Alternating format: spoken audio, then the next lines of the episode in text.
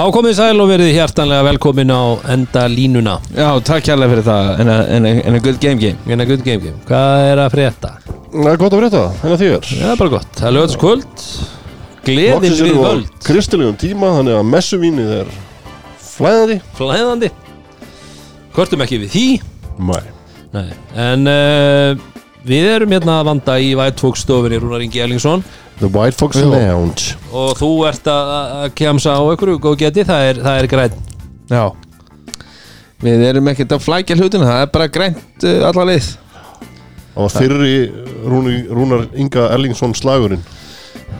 Já, Já. fyrir Rúnar Ingarslæður Það var Blika Njarvík í, í, í þessum fyrir Þannig að við erum bara að vinna með grænt. Það er hérna Peppered Mint. Peppermint Já, Peppered Mint og, og hérna okkar menn í Níkoland Þeir, Pipruð mynda, ekki piparmynda, heldur pipruð mynda já Það stendur. Má segja það. Já, Hérna. já, þetta er sem sagt Þetta er venjuleg mynda með svörtum pipar. Já, já, já, Peppered Mint. Já. Þetta er bara Það geti ekki verið mikið skýrara. Nei, Það veldur, veldur engin miskilingi Nei, nei. en já, okkar menn í Níkoland Við erum við mitt vona á sendingu bara á mándaginn Þannig að hérna Mjög peppaði fyrir því. Já, þeir stiða við bæki okkur. Það er mjög peppered mint fyrir því? Ég er Mjög, já, mjög, mjög. Peppered? Mjög svo. En uh, það er alltaf að verða fallegur og fallegur hérna hjá þér og, og hérna Já. í, stofinni Jú, jú. Og hérna við höfum svo sem, jú, við heldum nú minnst ekkert á hérna á Jordan búningana hérna hæra megin og, og myndirnar Svo- sér vel Já, og Doncicin og, þetta, það er allt á sínum stað en við er eitthvað að frétta af, af túrónum okkar sem við ætlum að fara að að koma á er, er við komið með eitthvað dagsetningu á það já líklegast svona um miðan apríl. Í, í, í úrslutikefni Við erum úrslutikefni þá, þá ætlum við að opna, opna dyrnar Open the gates Já, og náttúrulega allt í, í, rel- í relief fund fyrir uh, Úkræðinu, það ekki? Jú. Það er, já, við tókum ákvörðinu það hérna á fundi, stjórnafundi. Það er bara þannig. En uh, uh, okkar fólk í, í Sindamanni, við erum uh, Andris Það okkar, er nú er bara rjálað að gera já, Það er lagarsala það er lagarsalega, það er rétt. Hvetjum Og við til þess að nú er- fara og Ef það kíkja. er að gera kjara kaup Þá er það, nú er tíminn Já, Það er að hreins út fyrir nýjum vörum já, já, það þarf að, Það þarf að að gera bóta það. plás. En það uh, fáar veslanir sem eru jafn oft með nýjar vörur eins og Einar og okkar, Já. okkar, okkar menn í Í Ég held að þetta ætti allir að flýta Því að lagarinn er ekkert stór sko. Það er Það það gengur á þetta. Já, nákvæmlega, nákvæmlega. Andrés sóma sér alltaf vel Dóri, ég þakkláttu þér að hafa komið og kíktur að leikja í annar deildinni hjá mér í Já, dag hann er heldur betur einskóta að maður mæti Andresnum Já, og það var kalt á leiðinni. Og kallt á leiðinni. En þú, þú veist, ég, maður tók eftir þið bara strax um leið og Andrés sem kom inn í hús þá, Það skýr svolítið af honum. Það er bara þannig. Ég, Og hann bjargaði þér í dag, Rún Já, ég var í, ég fór á Kópavóksvöll og, og satt þar út í góðar hundra mínútur og, og hérna þó að kaffið hafi hjálpað mér eh, svona heitu kaffibóllin í, í góða svona 5 mínútur í fyrir áleik og 5 mínútur í setna áleik þá, þá sá Andri sér um restina. Já, og, og, og, Hann og, sildi svo heim. og, og passaði upp og ég var í reynda stór glæsilur á sama tíma þannig að það er líkilætri líka Það sko. þetta, þetta er ekki bara eitthvað hlýja þetta er ekki eins og gamli góði hérna, snjókalinn. Uh, Kraftgalinn grafgalinn þetta er bara, þetta er, þetta er hérna, heldur heitum. Og letur svín lúka líka þannig að eins og ég segi, það, ef að Andres er ekki uppseldur eftir helgi þá verð ég bara steinhissa. Já, ég held ekki að það sé ástæðan fyrir lagasölunni mitt, þú veist, það þarf að til þess að að koma fleiri- meiri er að koma fleiri Andresar koma meiri Andrésinn, það er bara þannig. En uh, hver ætlar að, að hérna, ríða vaðið? Hanna Það er doppul, það er doppul, það er lögtaskvöld þá er eðlilegt að menn, menn opni sér einn skítkaldan Viking Light. Glútum Léttöl. Letul uh, 4,4 hérna, svona, svona skemmtistig. 4, já, 4,4 skemmtisti og Bilið 3,9 nýtt í hvað- hvað sagður um daginn? 3,9 kilokalorir 29 kilokalorir Fyrir ekki 29 þrjá, Já. vá, Róa ég, var í draumaheimi þannig í, það í er 100 millilitrum. í 100 milli Já. sko, já, ég nefnilega, þetta er já, maður tekur þetta alltaf í minni sopa þá eru það 3,3 þannig að við erum, við erum að detta í svona tæpar 100 kalorir Mm. í dósina sko. það er náttúrulega bara það er bara er bara guffagrín er það er bara, þú veist, það er ekki að tala um það sko. Nei, við, við eigðum ekki orðum í Nei, það ekki er sinni. en uh, einn maður eigður orðum when I tell you you the one Það I er love? fiti Are you mad cause I'm asking you 21 questions? Are you my soulmate? Cause if so, girl, you're a blessing. Do you trust me enough? They tell me your dreams. I'm Ronny. staring at you trying to figure how you got them Ertu með eina? Já, ég er enda bara með tvær sko Með tvær? Já, Næja. þetta því að Þetta er búið að ganga svo vel sa, samtalið við, við okkar, okkar menn í, hjá Viking að að, hérna það er, það er mikil dýft í því. Já, ég, hérna, þegar ég fór á landingu um daginn þá satt Hilmar, sko, akkurat hinum mín í stúkunni. Gaman að fylgjast með honum. Hann var hress. Það var þess, Já, það er alveg sér eitt og, eitt og læt á. Líklegast. Líklegast. En hérna, það er mikil dýft í þessu og, og, og hérna já, þeir vildu auka líkurnar á, Ok. a, á að þið náðu allavega einu stíði Ok, með því að setja eða bara standardin herru, verður bara alltaf með tvær spurningar. Ok, ok. Þannig að þeir vilja bara að þetta sé svona Viking Light léttul spurning á hotnið en ekki spurning inn í eintölu. Það var bara pub quiz í búið nánast sko en það er til að auka líkunar á að þið náðu allavega hérna að að setja Elva Már Freyrisson stegastjóra endalínunar í, í, í, í Smá boppa, þannig að það hafa fyrir þessu. Hann þarf að hafa eitthvað fyrir þessu sko. Ég er bara að geta svara rétt sem ég hef svo mikla ágjörð því að hann er bara upptekinn af einhverju öðru sko. Já, það getur verið en hérna, það Þetta eru er tvær, svolítið- er tví ekki sver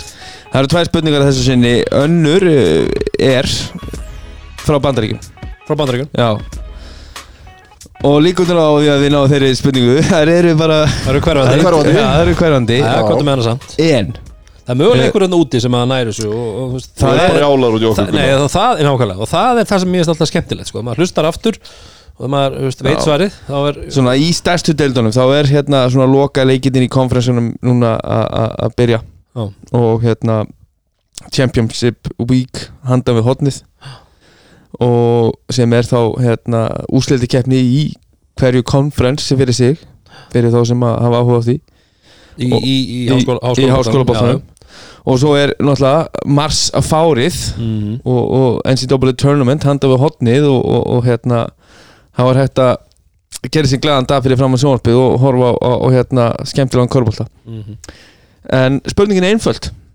Uh, samkvæmt svona flestum ranking listum hverjir eru nummer eitt í háskólaboltanum í dag?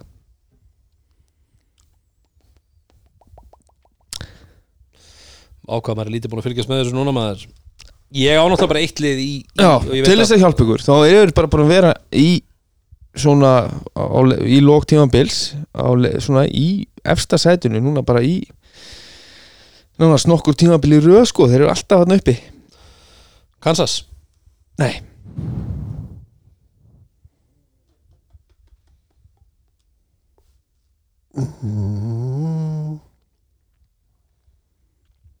North Carolina. Nei, það er ekki heldur North Carolina. Uh, Þessi skóli er á uh, vestutröndinni og svona einn af þeirra bestu leikmönnum er, er, er forvart sem heitir nafnunu Timmy Timmy Já, T-I-M-M-E og uh, John Stockton spilaði fyrir hann skóla. Vita nú við þetta á ég nú að vita þessu heiti John Stockton. Og dóttir hann spilaði líka og, og ég held að svona Sonars. Já, þau spilaði Gonzaga. Gonzaga Bulldogs. Haldur Örn fær stig uh, smá stjórn með stig með, með smá Þetta er uh, Þetta þetta er það er 0,25 betra, stig. það er betra að fá stjörnumir stig heldur en að fá ekkert stig. En þá förum við- 0,25 stig. þá förum við beint uh, að sjálfsögðu á okkar uh, ástkæraland Ísland. Já, uh, og ég ætla að fara svolítið langt aftur. Og það maður þarf að fara svolítið langt aftur. Jú, jú. Að hérna það er oft verið að tala um eru hverjir að fara að þjálfa þetta lið og hverjir að hérna hverju komið til greina, það er nú kannski ekki margi sem komið til greina, ætlaði að horfa út fyrir landsteinana og að fara í, í Ísrael Martin eða ykkur að finna eða þú veist það er búið að reyna ímislegt ég er búin að reyna að finna að finna. Það er búið að reyna. Ég er alltaf að byrja að krakka kótan að koma hérna. Já, nókvæmlega en Íslandsmeistartitildin ef þið langar í hann Mhm. þá er eiginlega ekki drófsalega hérna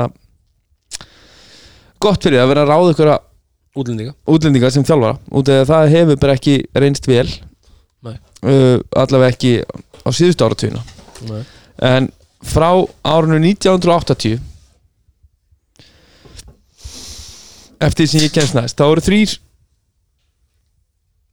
menn sem eru erlendir skráðir aðalþjálfarar Íslandsmeistara getið nefnt mér einn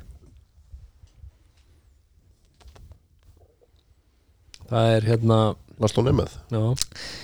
Dóri er að taka double point hérna Þetta var alveg Dr. Laszlo Nemeth En eru þið með einhver aðra sem hafa verið, eru ertu, skráð með, ertu með ártöl hana? Þarna erum við í fyrsti Íslamistöndill hérna um FN í, í, í bylgjunni hérna 1981 Sjás Danny Sjás, skráður þjálfari Já og svo er það, haug, svo er það haugar 83 eða eitthvað tíma það voru haug, ég held að það veri haugar uh, sem eru skráðir sem eru Íslandsmeistarar uh, nei, það er Valur sorry, það er Valur 83 það er 3 mm. Eh. Valur 83 sem eru með uh, og, og þetta var hans uh, annar titill. Þeir unnu 80 með sama þjálfóra og hann heitir Tim Dwyer. Já, Timmy. Timmy. Hanna var Timmy. Þú varst alveg með Timmy. Dóri með, með Gonzaga Bulldogs og Laszlo Nemeth tegur double point og, Ég var nú eitthvað fyrir sjás Ég var nú eitthvað fyrir sjás. Hún fær bara svona hefðurum fyrir að Farið, ég fæ 1,25, þú farið 0,75 Ó, hvað er leiðilega maður. Herðu, ég var að pæla í þessu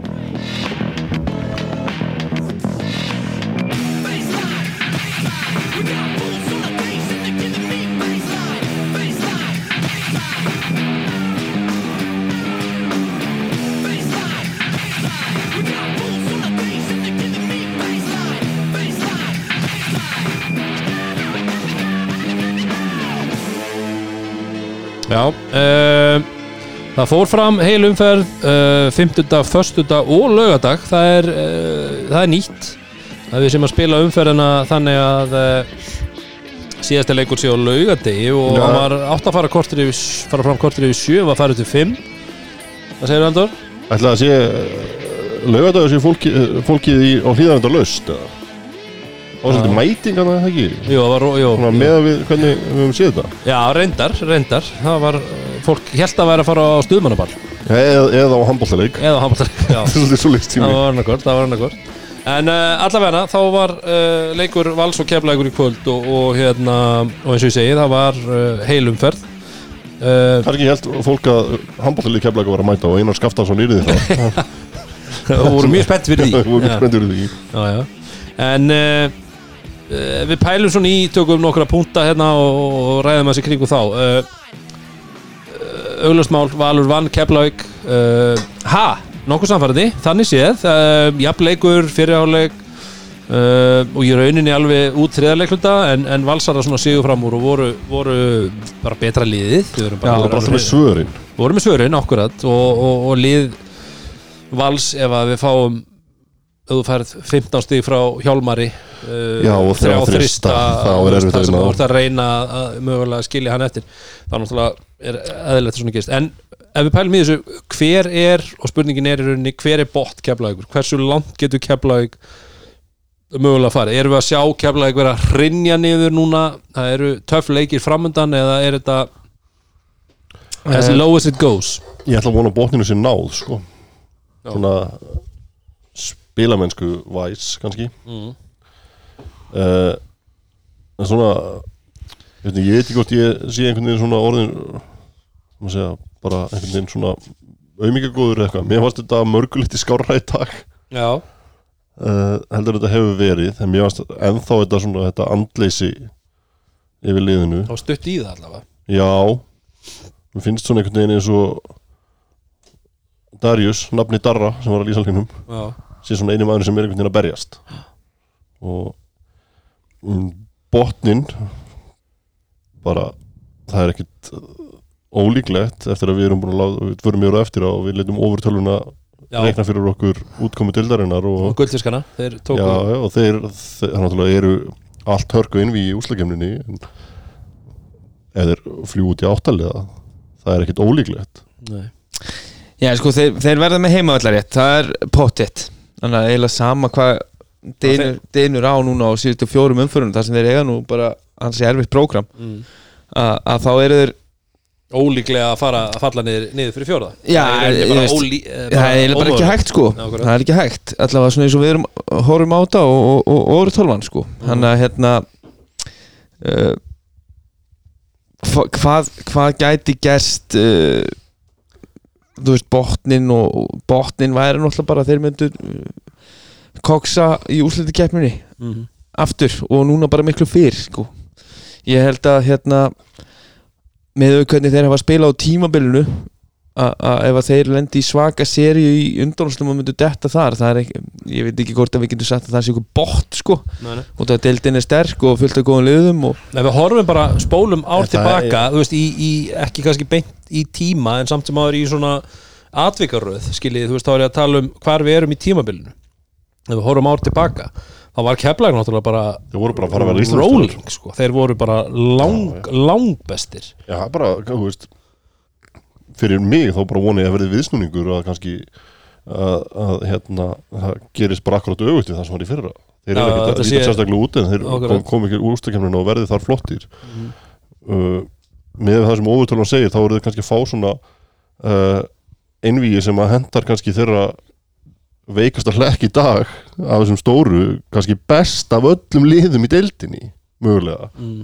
þannig að já, veist ég veit ekki, mér ég kem mér ekkert óvart að ég myndi fljúa út í áttalega Já, og bara líka, með við bara, þú veist, andleysið og annað sem er í gangi. Nei, nei, og líka það sem var, eins og ég segi, ef við tökum aftur bara tímaröður eða sem sagt hvar við vorum í fyrra á þessum stað í tímabilinu, þá var keflæg liði sem var með stöðuleikan uh, mjög gott viðtal við Pavel Ermalinski eftir leikin sem við horfum á rúnar saman. Uh, þar sem að segir, þú veist boltinn var að ganga, það voru hlutir að gerast hjá okkur sem að við erum svolítið búin að býða eftir að gerist.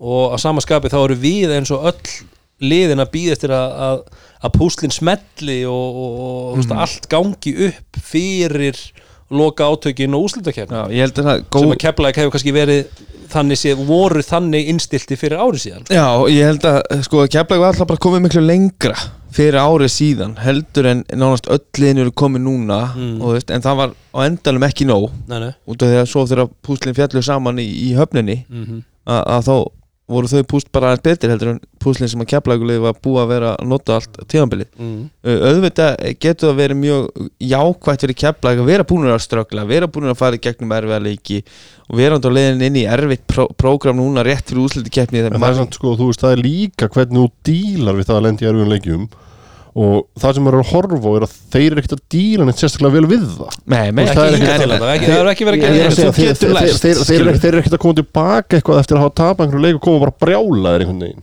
Nei, nei. framistæðan hefur einhvern veginn ekki Ég meina þremur, það dögum eftir að vera gjössanlega kjöldregnir í þólasöfn þá byrjuðu þeir hræðilega á móti breyðablík og að það var bara það var, það var hræðilegt. Þannig að það, það að menn eins og við þekkjum þegar maður var að spila að þú veist að tveir, þrý dagar var náttúrulega bara það besta sem gætt gerst eftir svona tap.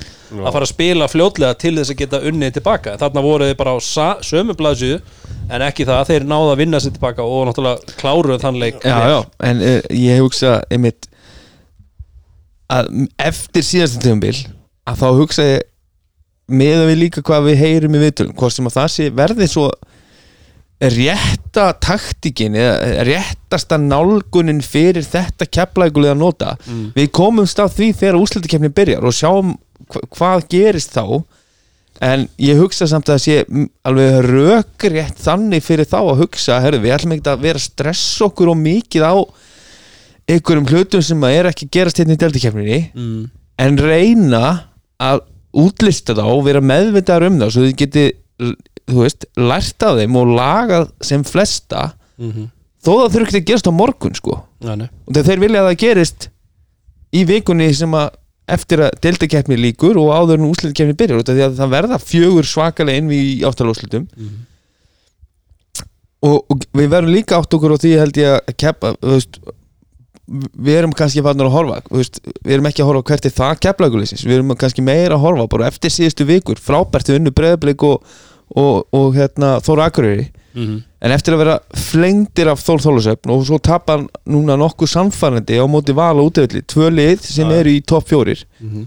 að þá sáum við samt alveg ykkur hluti í leiknum í kvöld sem eru svona, herðu, ok og Mustafa Heron getur búið sér til körfur og getur verið að kera á körfuna og, og emmi milli skoti, getur skotið þryggja en til dæmis hann bara gefur ekki boltan eða hann fer af stað, hann er með eina stóðsningu Já, sko, þú það er eitthvað sem hægt er að laga það er eitthvað sem hægt er að koma með einhverjar áherslur inn í þeirra leik. með, já, já. hann er mikið líka svolítið að ráðast upp á engu, spacingin er léleg aftur, þetta er eitthvað sem þeir geta að skoða á vídjónu og herru, við setjum hérna inn eitt handoff play eða tvö, tvö aksjón inn í okkar, okkar playbook þar sem að við fáum hann á ferðinni downhill með betri spacingu við draugum þennan mann út og opnum miðjuna ef þeir falla þá ertu svo með þú veist, Jaka Brotnik hérna megin og, og, og Darius Tarvítas hérna megin. Hann að það eru lausnir á öllum þessum Já, vandamálum. já, sko- hversu klárir við eru þeir til þess að finna þér? Uh, tveir, tveir svona púntar sem ég er með út frá þessu er, sko, það er uh, þeir eru að taka inn risapúsli sittlið meðan að, þú veist, Valur er að taka inn mann sem á bara að koma og rauninni bara hlutverka gæi í fyrir keflækir að taka bara gæja sem á að fara að vera vonandi maðurinn þeirra líður á og þeir eru ekki, þeir eru ekki taka nú að hann hinga til, það var ekki verið að breyta systeminu sinu fyrir hann. Hann er að koma svolítið inn í það sem er og sem verður til þess að hann hefur ekkert meira space en CJ hafði þessu tíma. já, já. En það er mjög eðlilegt að menn þá tala um það eftir leika að þetta er bara eins og CJ Já, sem er bara, mér finnst bara Galið, já, já, galið og sammála, bara, þetta, sammála. þetta er bara allt annar gæi.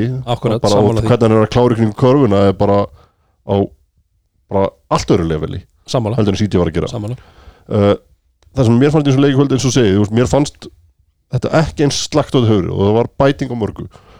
En það sem ég tek út úr þessum leik er að keflaglið er bara ekki nógu gott á móti þessum bestu lið mér finnst það bara, þú veist, það er það, þú veist, þeir töpuðu bara leiknum í kvöld vegna þess að það var bara betra lið á móti þeim. mm. og það eru ennþá lið í dag sem eru betri heldur en valur í deildinni. Já, já, og það er það sem ég hræðist sem kemur ekki já, það, það, e, í, í leiknum í kvöld þá voru samt, það voru tækifæri. Mhm. uh, le- eins, og, eins og við erum að tala um það, leikurinn er jafn ennþá þegar, þegar, þú veist, á fyrstu tveimur mínútunum í já, já. uh, það er eitthvað fjárastega munir sem er ekki neitt. Uh, í, í um miðbygg þriðalegsluta í leiknum í dag þá held ég að keflæk ná okkur um sex stoppum með röð. Mhm. það var fjárastega munur á þessum tíma. Uh, en keflæk reyndar skoraði held ég ekki í fimm eða sex skipti eftir að hafa ná stoppi Mhm. uh, og það segir mér samt sem aður að þú veist, þeir, þeir eru með lið sem að geta ná fram stoppum Mhm. uh, þ- ef þú horfir á þetta valslið skoraði hvað 88 steg á heimavalli partur af því svo í fjórðarleikluta er einhverju svona stemmings sent í skóklöku þristar sem að hérna, Dalton bróðurinn er að henda upp hérna, Já, já. veist, smá, veist, tvo- einn og hálfa metri fyrir utan með mann svona smá í andleitinu sko. Mhm. uh, en til dæmis eitt að loka playið fyriráleik það segir mér samt að það sé ykkur smá svona breyting á pælingunni á baku hvað þeir vilja gera sem lið Mm. uh, út af því að eftir leiklið þá var hérna, ok, einn af okkur uppáhaldsérsfræðingum held ég uh, Darri Allarsson sem er, er, er, er hrikalega Frábær. skemmtilegur að hann talaði um veist, ja, kannski, þú veist, ég veit ekki hvort að kannski eru þið bara að flækja þetta mikið sko. Þú veist, bara láta hössa að fá boltan og pikka ról með milka sko. það er búið að virka vel í þrjú ár Mhm. en þarna fara er í svona action og það er sem að bakverðin kemur upp á toppin færan og, og hérna fer yfir á hinn vangin í handoff með Mustafa Heron og stóri maðurinn eldir og það er búið búa til and roll action með Heron og, og hérna Milka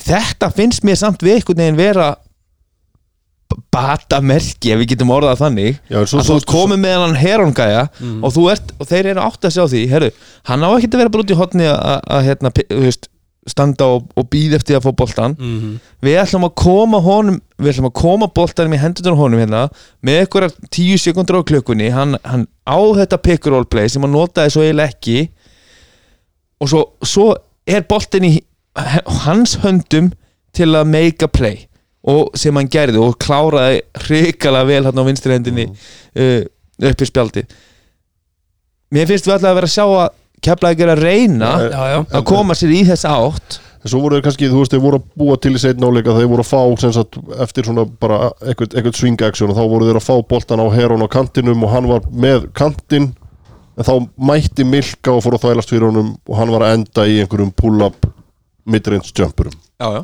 Veist, og það þetta, þú veist Milka er búin að ræða maðurinn í þrjú ár. Nú þarf að- svolítið að, að, að hafa hann sem svona bara second choice. Já, og, og, og þeirra Milka er ekki kannski og á móti val á Milka bara erfiðar uppdráttur heldur hann til þessum mörgum öðrum liðum. Þess, þess vegna fannst mér veist, bara með allir virðingu fyrir því sem að Milka hefur áorka á Íslandi hann, hann tekur eitthvað eitt play þarna þar sem hann fær hann, sko, eitthvað sem hann þurfti til dæmis ekkert að hafa fyrir, hann fær hann í djúpri stöðu maðurinn kemur einhvern veginn aðeins við hann aftan frá hann skorar end one og hann fær beinti eitthvað nikla vöðvan og endaði með 9 stíð og 6 frákvæmt og tapaði með 14 þú veist, hættu þess að nikla vöðvana þá hann til þú ferð að vinna eitthvað hérna og, og ekki vera ekki, þú, veist, þú ert ekki búin að vera nógu góður til að vera með svona kjánaskap Nei. Uh, ég er bara fyrir aftur bara í playoffsi fyrir þegar hann tekur hann í eitthvað, uh, 3-2 þetta, Já. þú veist, uh, í, í, í fyrirleiknum á skoraði hann eitthvað tippin eitthvað hefnistippin fyrir leiknum. Hefnistippin mm og hann fyrir beint í myndana I'm back baby, þegju bara. Já, farð, Nei, ég meina, ég, ég er samt Bara all for it forma að menn, menn láta aðeins í sér heyra Já, já, má en- alveg. En, en ég er alveg sammálaður að veist, þetta nikla vöðvadæmi, það var eiginlega svolítið, því var, því var eiginlega tekið og, og, og, og slútaði fyrra. Já, það voru ákveðni menn sem bara slúttuðu Já, því. en- þannig að ég- ég spyr með eitthvað annað. ég spyr- með hérna ég spyr mér samt að því upp í eða eitthvað. fjóruleikli í dag keflaði er hann undir þurfa svolítið að koma sér inn í leikin aftur. Og hann tekur Jaka Brotning út af. Ekki það að Jaka Brotning hafi átt frábæran dag í dag. Nei, nei, en Milka átti það ekki heldur. Sammála hann fer í 2-3 svæði tekur hérna Brotning út af uh, hver kom inn fyrir hann Darvíð, þeim tíma. kemur inn fyrir- já, já. Akkur ferði ekki bara í smá léttleikandi Já. five out körubolta, settu boltan í hendunar á kananvinum Mhm. og hann er bara, þú veist bara, herru, við, við, við keirum bara á því hverskipti Mhm. þú veist, þú farðan bara, við, við förum bara á þá einn og einn upp á topp ef þeir falla niður, þá ætlum ég bara að stakka vangina með að breyka- þú ert að breyka þetta svolítið. Það, ég, Já, sprengdu þetta upp. Ekki vera með milka þetta til að hæja á þér og, og, það, er, það er náttúrulega það sem að, eins og Matti hefur verið að tala um núna Matti sig í, í annar frábær já, annar, annar sem er að koma að virkilega vilja í þetta er þetta með þetta hann er að tala um þessi, þess, þessa tvo, tvo leikstíla sem að lið geta bóðið upp á. Og að- að meðan hann tala um keflavík. Mhm. mér finnst bara einhvern keflavík ekkert vera að fara þangað þeir vilja minna Nei, þú veist, þeir vilja minna að fara þangað Já. þú, þú, þú veist, þeir hafa möguleikan á því. Þú veist, settu Jaka sem fimmu Daríu sem fjarka og, og búðu til eitthvað. Já, þú veist, eins og ég segi, verður bara með her- alla fyrir utan. Já, þú veist, með Heron og, og, og Darius þetta eru tveir menn sem að geta búið til körfur upp úr engu. Já, já. sem að þeir hafa vantað allan vetur. Þeir eru konum svo tvo gæja núna spilum svolítið á þessu. Já.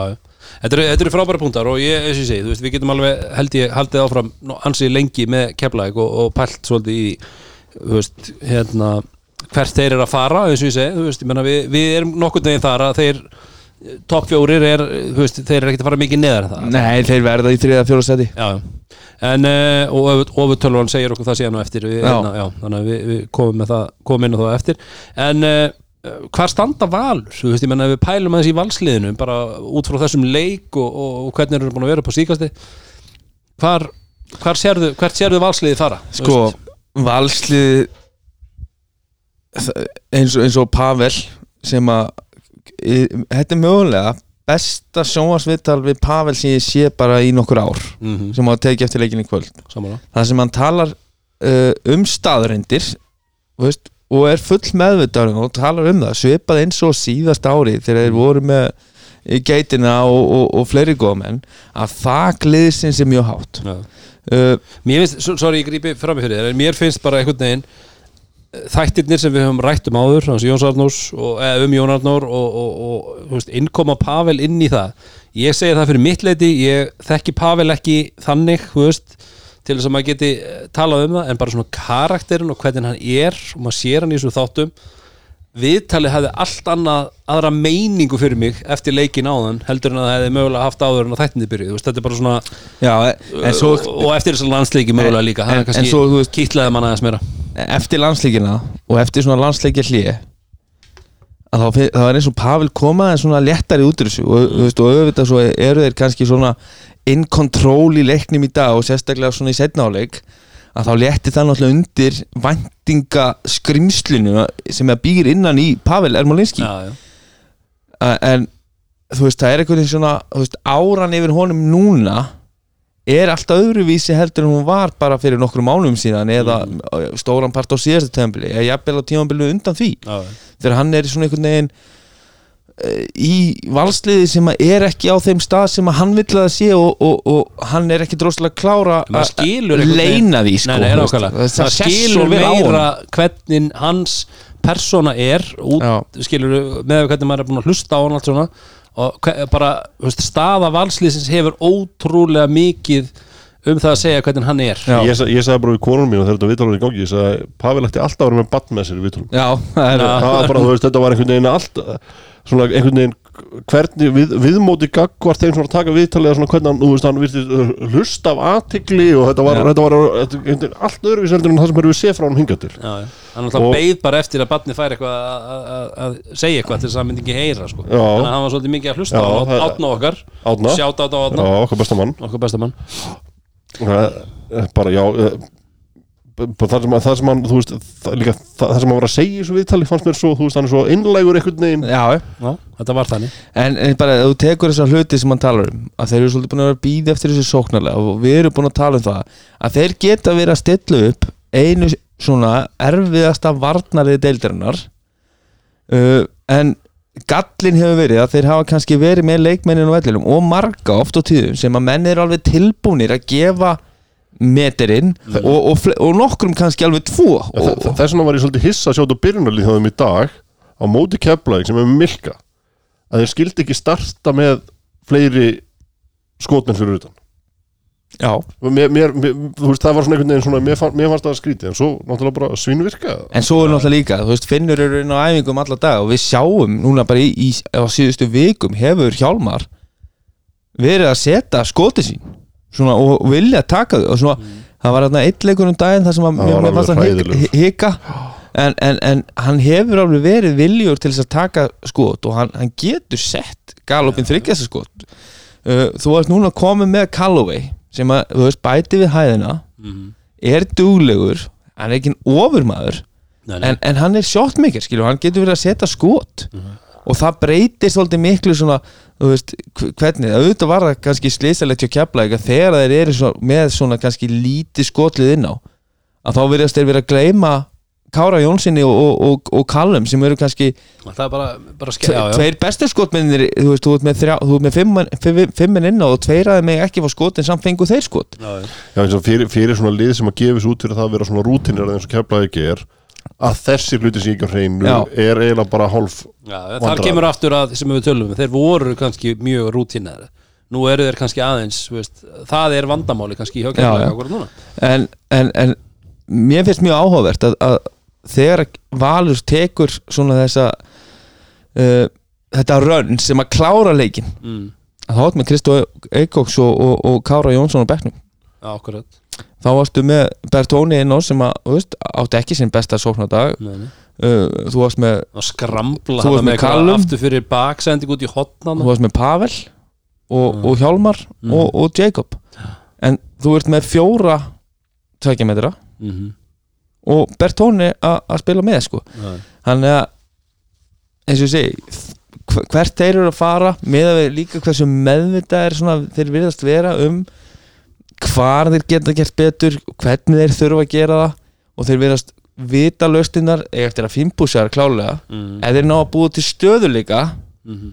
að þá eru þeir náttúrulega bara líka með hérna svona sigurvera svona karaktera pluss bara gæði sem að verður mjög erfitt að eiga við í, í úrslutukefni ja, því að hérna, Pavel talaði um það í viðtalinu að þeir hafi tekið uh, sem sagt, hluti út úr landsliðinu Mm og þá er eins og til dæmis við sáum það hérna í, setnilegnum okkar á móti Ítalíu að Ítalina voru svolítið að, að hérna, forsa okkur í það að skipa boltanum villi kanta og voru að stela fullt af sendingum þannig. Það var ekkert ósipað í kvöldi og val. -hmm. þeir voru svolítið að forsa keflæk til að gefa hann yfir og, og voru að, að deflekta sendingar þar og Hjálmar var að deflekta þarna þrjár fjóra sendingar og, og voru að ná að það er örgulega ekki tekið bara frá Íslendingunum úr þessu landingarliði, það var tekið líka eitthvað á rítalunum já, nákvæmlega, nákvæmlega En ok, já, Valur, þetta er, þetta er svona og þeir standa bara bara nokkuð vel eins og Já, eins og, og, og, og verið við, svona munu að öllum líkindum svona trítla sér inn í topp fjóra ná heima allar rétt í fyrstu umferð. Mhm. og þú- það verður bara hérna æri verkefni fyrir hvaða lið sem er að fara að vinna þetta lið í seri í úslutkefni Já, það er bara það. Uh, Annar lið sem við erum búin að tala aðeins um núna það er þó Þólasöfn og uh, Íslandsmeistararnir. Við sáum þá að fara á Akureyri uh, í gær og knýja fram sigur. Stóð frekar tæft hannig þetta var bara svona, þetta var bara leikur þetta var leikur basically allan tíman meir og minna, ég heyrði manni sem var í, í HM 95 höllinni og, það var bara, þetta var bara veist, svolítið svona fram og tilbaka og við sáum það svo sem á, á, á vídeo í gær. Ég, þósara, þetta er ekki fyrst skipti sem að þálasöfnaliði er að fara raunni, kannski ef að segja á sama plan og, og, og annar lið, er þetta er þetta gott eða slæmt svona til lengri tíma ef við horfum til mig eins og þú veist, þeir spila á móti breyðarbleikur running gun sem endaði 190-180 eða hvað það var? Er ekki bara svolítið að leika sér á bráðinni? Jó, þú veist mögulega, það er svona að segja það. En, en ég held að þeir séu bara veist, þeir eru full meðveitaður um, um hvaða orku þeir þurfa að setja í, í hvaða leik fyrir sig. Mm uh, við sáum það einmitt bara í, í leiknum út í Keflavík hvað hva, hérna, ákæðin og geðveikin sem þeir höfðu þar uh, og, og sérstaklega einhvern veginn svona held ég að þeir, þá fóru þeir ekki á sama plan, þá fóru þeir á næsta plan fyrir já, það, veist, og svo eru þeir bara þannig lið og ég held að svona Lalli íslensku strákarnir og, og svo, verðist þetta bara eiga akkurat við alla hina. Og ekki það að þetta eigi ekki við kannski bara flesta körfuboltamenn yfir höfuð að hérna þeir verðast eblast þegar það komið stu- stuð og stemming. Mhm. þú veist þarna, þú veist í þessari risa höll og mér fannst nú ekki vera það var ekki margir að það var, það var ekkit hérna tróð út úr dyrunum. Uh, á móti liði þórsa frá Akureyri sem er orðin vangbrótið Mhm. Þeir gerðu bara það sem til- þurfti og, og settu ekkert eitthvað ekstra effort uh, í það og, og hérna en, en þeir fara heim með þessi tvö stig sem að skipta máli. Og, og þetta, var- þetta var náttúrulega ekki eins og leikurinn hjá Þór í Keflavík þar sem þeir voru yfir bara lengi vel skilur Nei, nei, nei. Þór var, Þór, var, alltaf með Já, já, þeir voru meira og minna með fórstuna já. En ég er að segja, þú veist En þess vegna velti maður fyrir sér er, er þessi eigin leiki að geta gert þetta og, og að spila svona Er þetta slæmt eða gott? Þú veist, menna, maður, þú veist við munum það sjálfur að, Auð, auðvitað, held að- held ég að allir og, og, og, og við höfum kannski allir verið partur af, af liðum sem að teljast að vera bestu liðin. Já, já, og, og vera yfirbörða lið í einhverjum deildum eða lið sem eru svona automatist í topp tveimur. En hver, hversu oft er það samt þannig þegar þú ert topplið að, að hérna þá er stundum aðeins veginn að mótivera sig í, Já, já. í, í leikina og, og, og á móti liðum sem einhvern veginn þú veist þú átt að taka sigur já.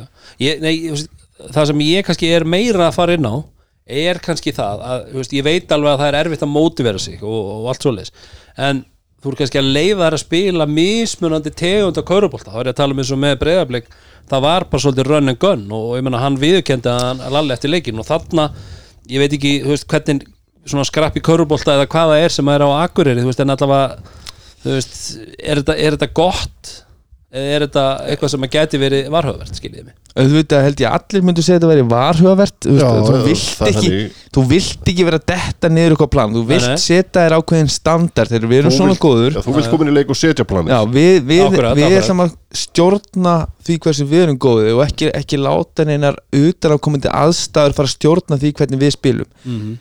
En til dæmis af hverju eru þórsarar svona góðir hvað er það sem gerir þá svona góða Mhm. stór partur af því er þetta orkustig þetta adrenalín sem, sem þeir nota einhvern veginn til þess að spretta upp völlin og þessi fljóta boltarhefing og bara um leið og þú ert einhvern veginn ekki alveg 100% ready Mhm.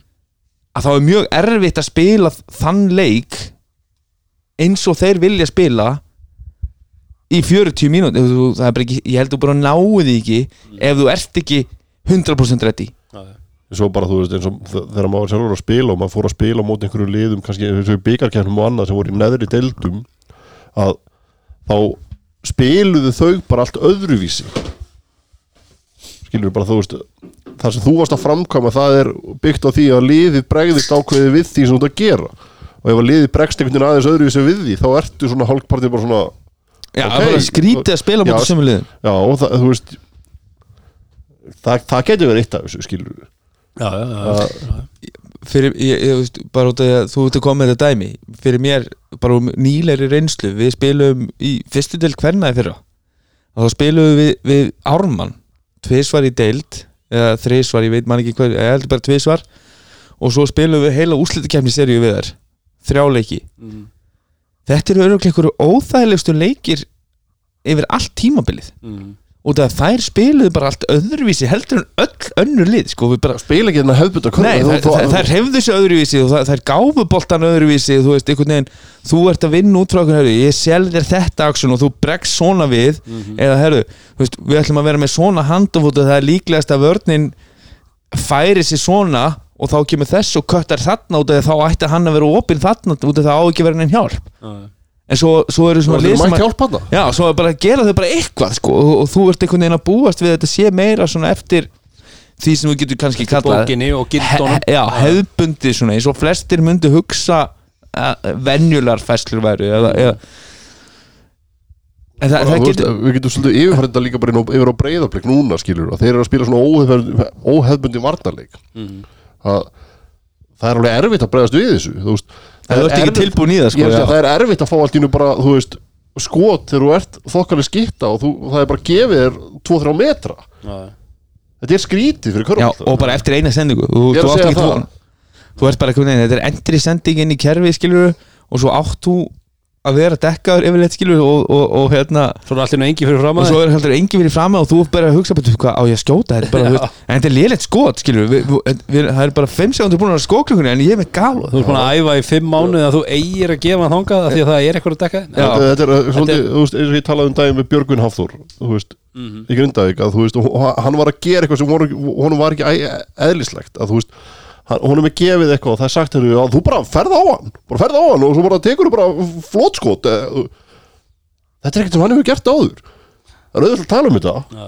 en þú þarfst að framkvæma þetta. Já, En uh, áður en ég kem svona að næsta punkt á hérna, uh, að því við tölum aðeins um breyðablík og svona hérna þá kemur svona einn óundibúin punktur sem ég að henda þess að okkur. Njarvík breyðablík var náttúrulega á uh, fimmtæn eini leikur á fimmtæn uh, hörkuleikur sem fer í, í, í framleggingu og, og, og hérna veist var Njarvíkuli, bara því við erum að tala um þetta að fara á plan og svona, var, var Njarvíkuli fannst ykkur uh, minna tempo í Njarvíkuliðinu eða meira heldur en það þarf að vera, bara svona bara svona hendaði með? Nei, mér, mér fannst þér þú veist mér finnst þér gera til þess í fyrra álíknum þá eru þeir að koma sér hérna kannski upp 8 stig, 8 til 10 stig.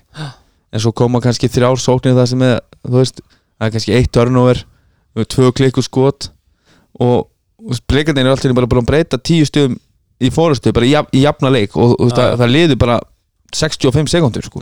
Sem gerist þarna í, í, í setni Þetta gerist í fyrirháleik, fyrri hálfleik, já. já, já, já, En svo, svo náðu þið bara aftur einhvern veginn að koma sér, veist, að búa til þessi auðveldu skot.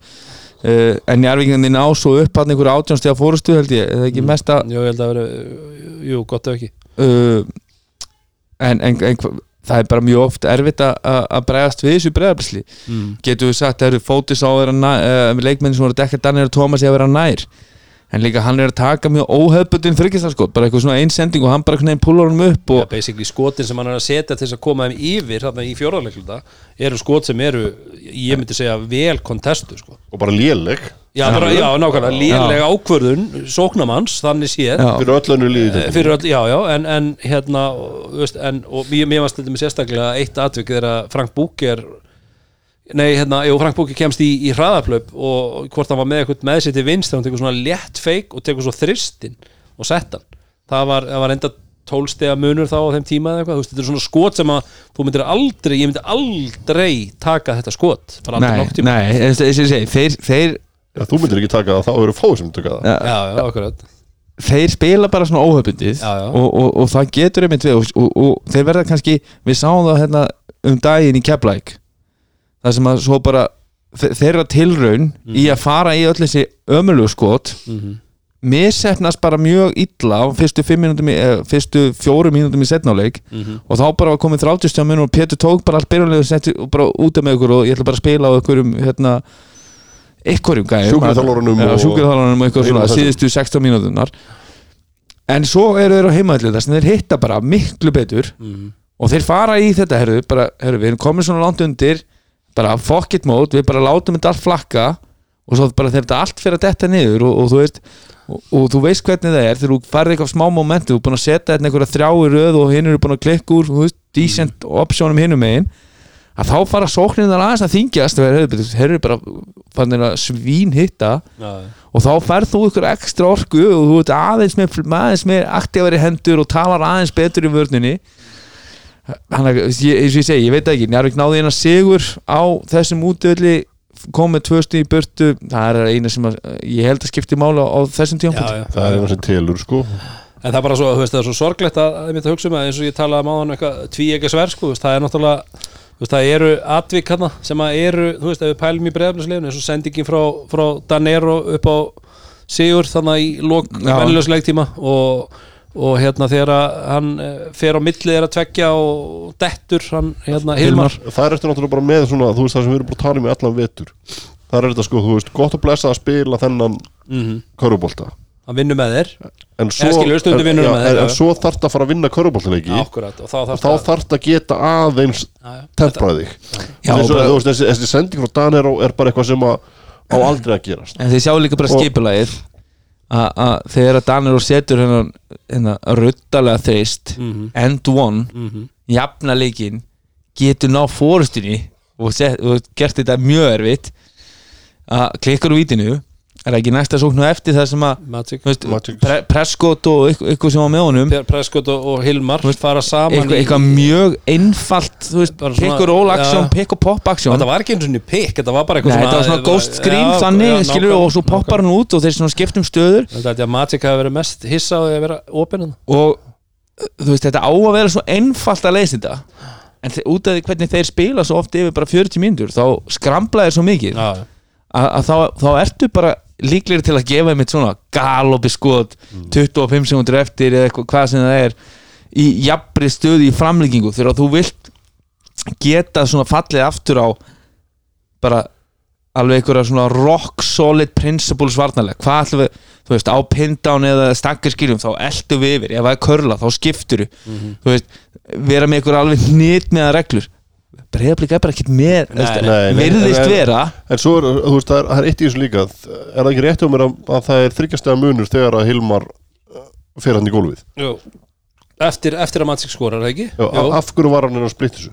Ætlaði hann að fara að ná sér í tvö Tvö steg á stig, þessum já, veist, ég- nákvæmlega. af, af hverju ekki bara að, að En það er einmitt ákveð þessi leikstil sem þið nota alltaf í 40 myndur bara, Bara það, er bara, það er bara skora á þá og þeir bara fara full force. Ég er að segja það, þarna þarftu kontrólið Já, já. Sammála. Og Já, já, lesa, og, lesa í leikin Þú veist bara hvað er að fara að gerast. Ég meina, ok, ef að, ekki það Ef, að- ef þetta hefði verið villa Hann að Þá hefði verið 20 sekundur eftir Hann hefði fengið tvö víti Minkaði þetta í eitt Ég meina, það er ennþá Þá er samt farin að þú En- var að treysta á dómkæslu sem er einhvern veginn ekki Nákvæmlega þú veist, þú vilt ekki gera það Nei. Nei. og talandi um það, þá er mitt næsti punktur í okkur, það er dómgæsla og ákveðna pælingar í sambandi við það og í, eh, eftir þennan leik þá uh, gengur kameran og við sjáum það að einna dómurum leiksins uh, er hann eitthvað vafrandi í kringur rítarabórið og það er bara verið að þakka fyrir leik og eitthvað og allir búinir að gera það? Nema hann, það er einhverju leikmenn breyðablík sem er að tala saman. Já, þeir koma bara í berju á miðjunni sko. virðist vera þannig. Já, þeir lappa bara saman í, í berju og hann einhvern veginn lappar að og kemur svo tilbaka að reytaraborðið og setur báðar hendur upp í loft. Já, enginn hefur rætt um þetta. Nei, auðvitað vitum við ekki hvað er sagt. Við vitum ekki hvort það er, kemur eitthvað hróp. Þú veist, Við erum ekki með nú Það er ekki, það er ekki nóg gott hljóð á þessum upptökum en það mögulega, það myndi samt heyrast. Já, veistu, maður heyrða já. með svona skvaldur skilur en, en maður heyrir ekkert eitthvað svona þú veist, eins og hann sé að hrópa eitthvað inn í átta veist.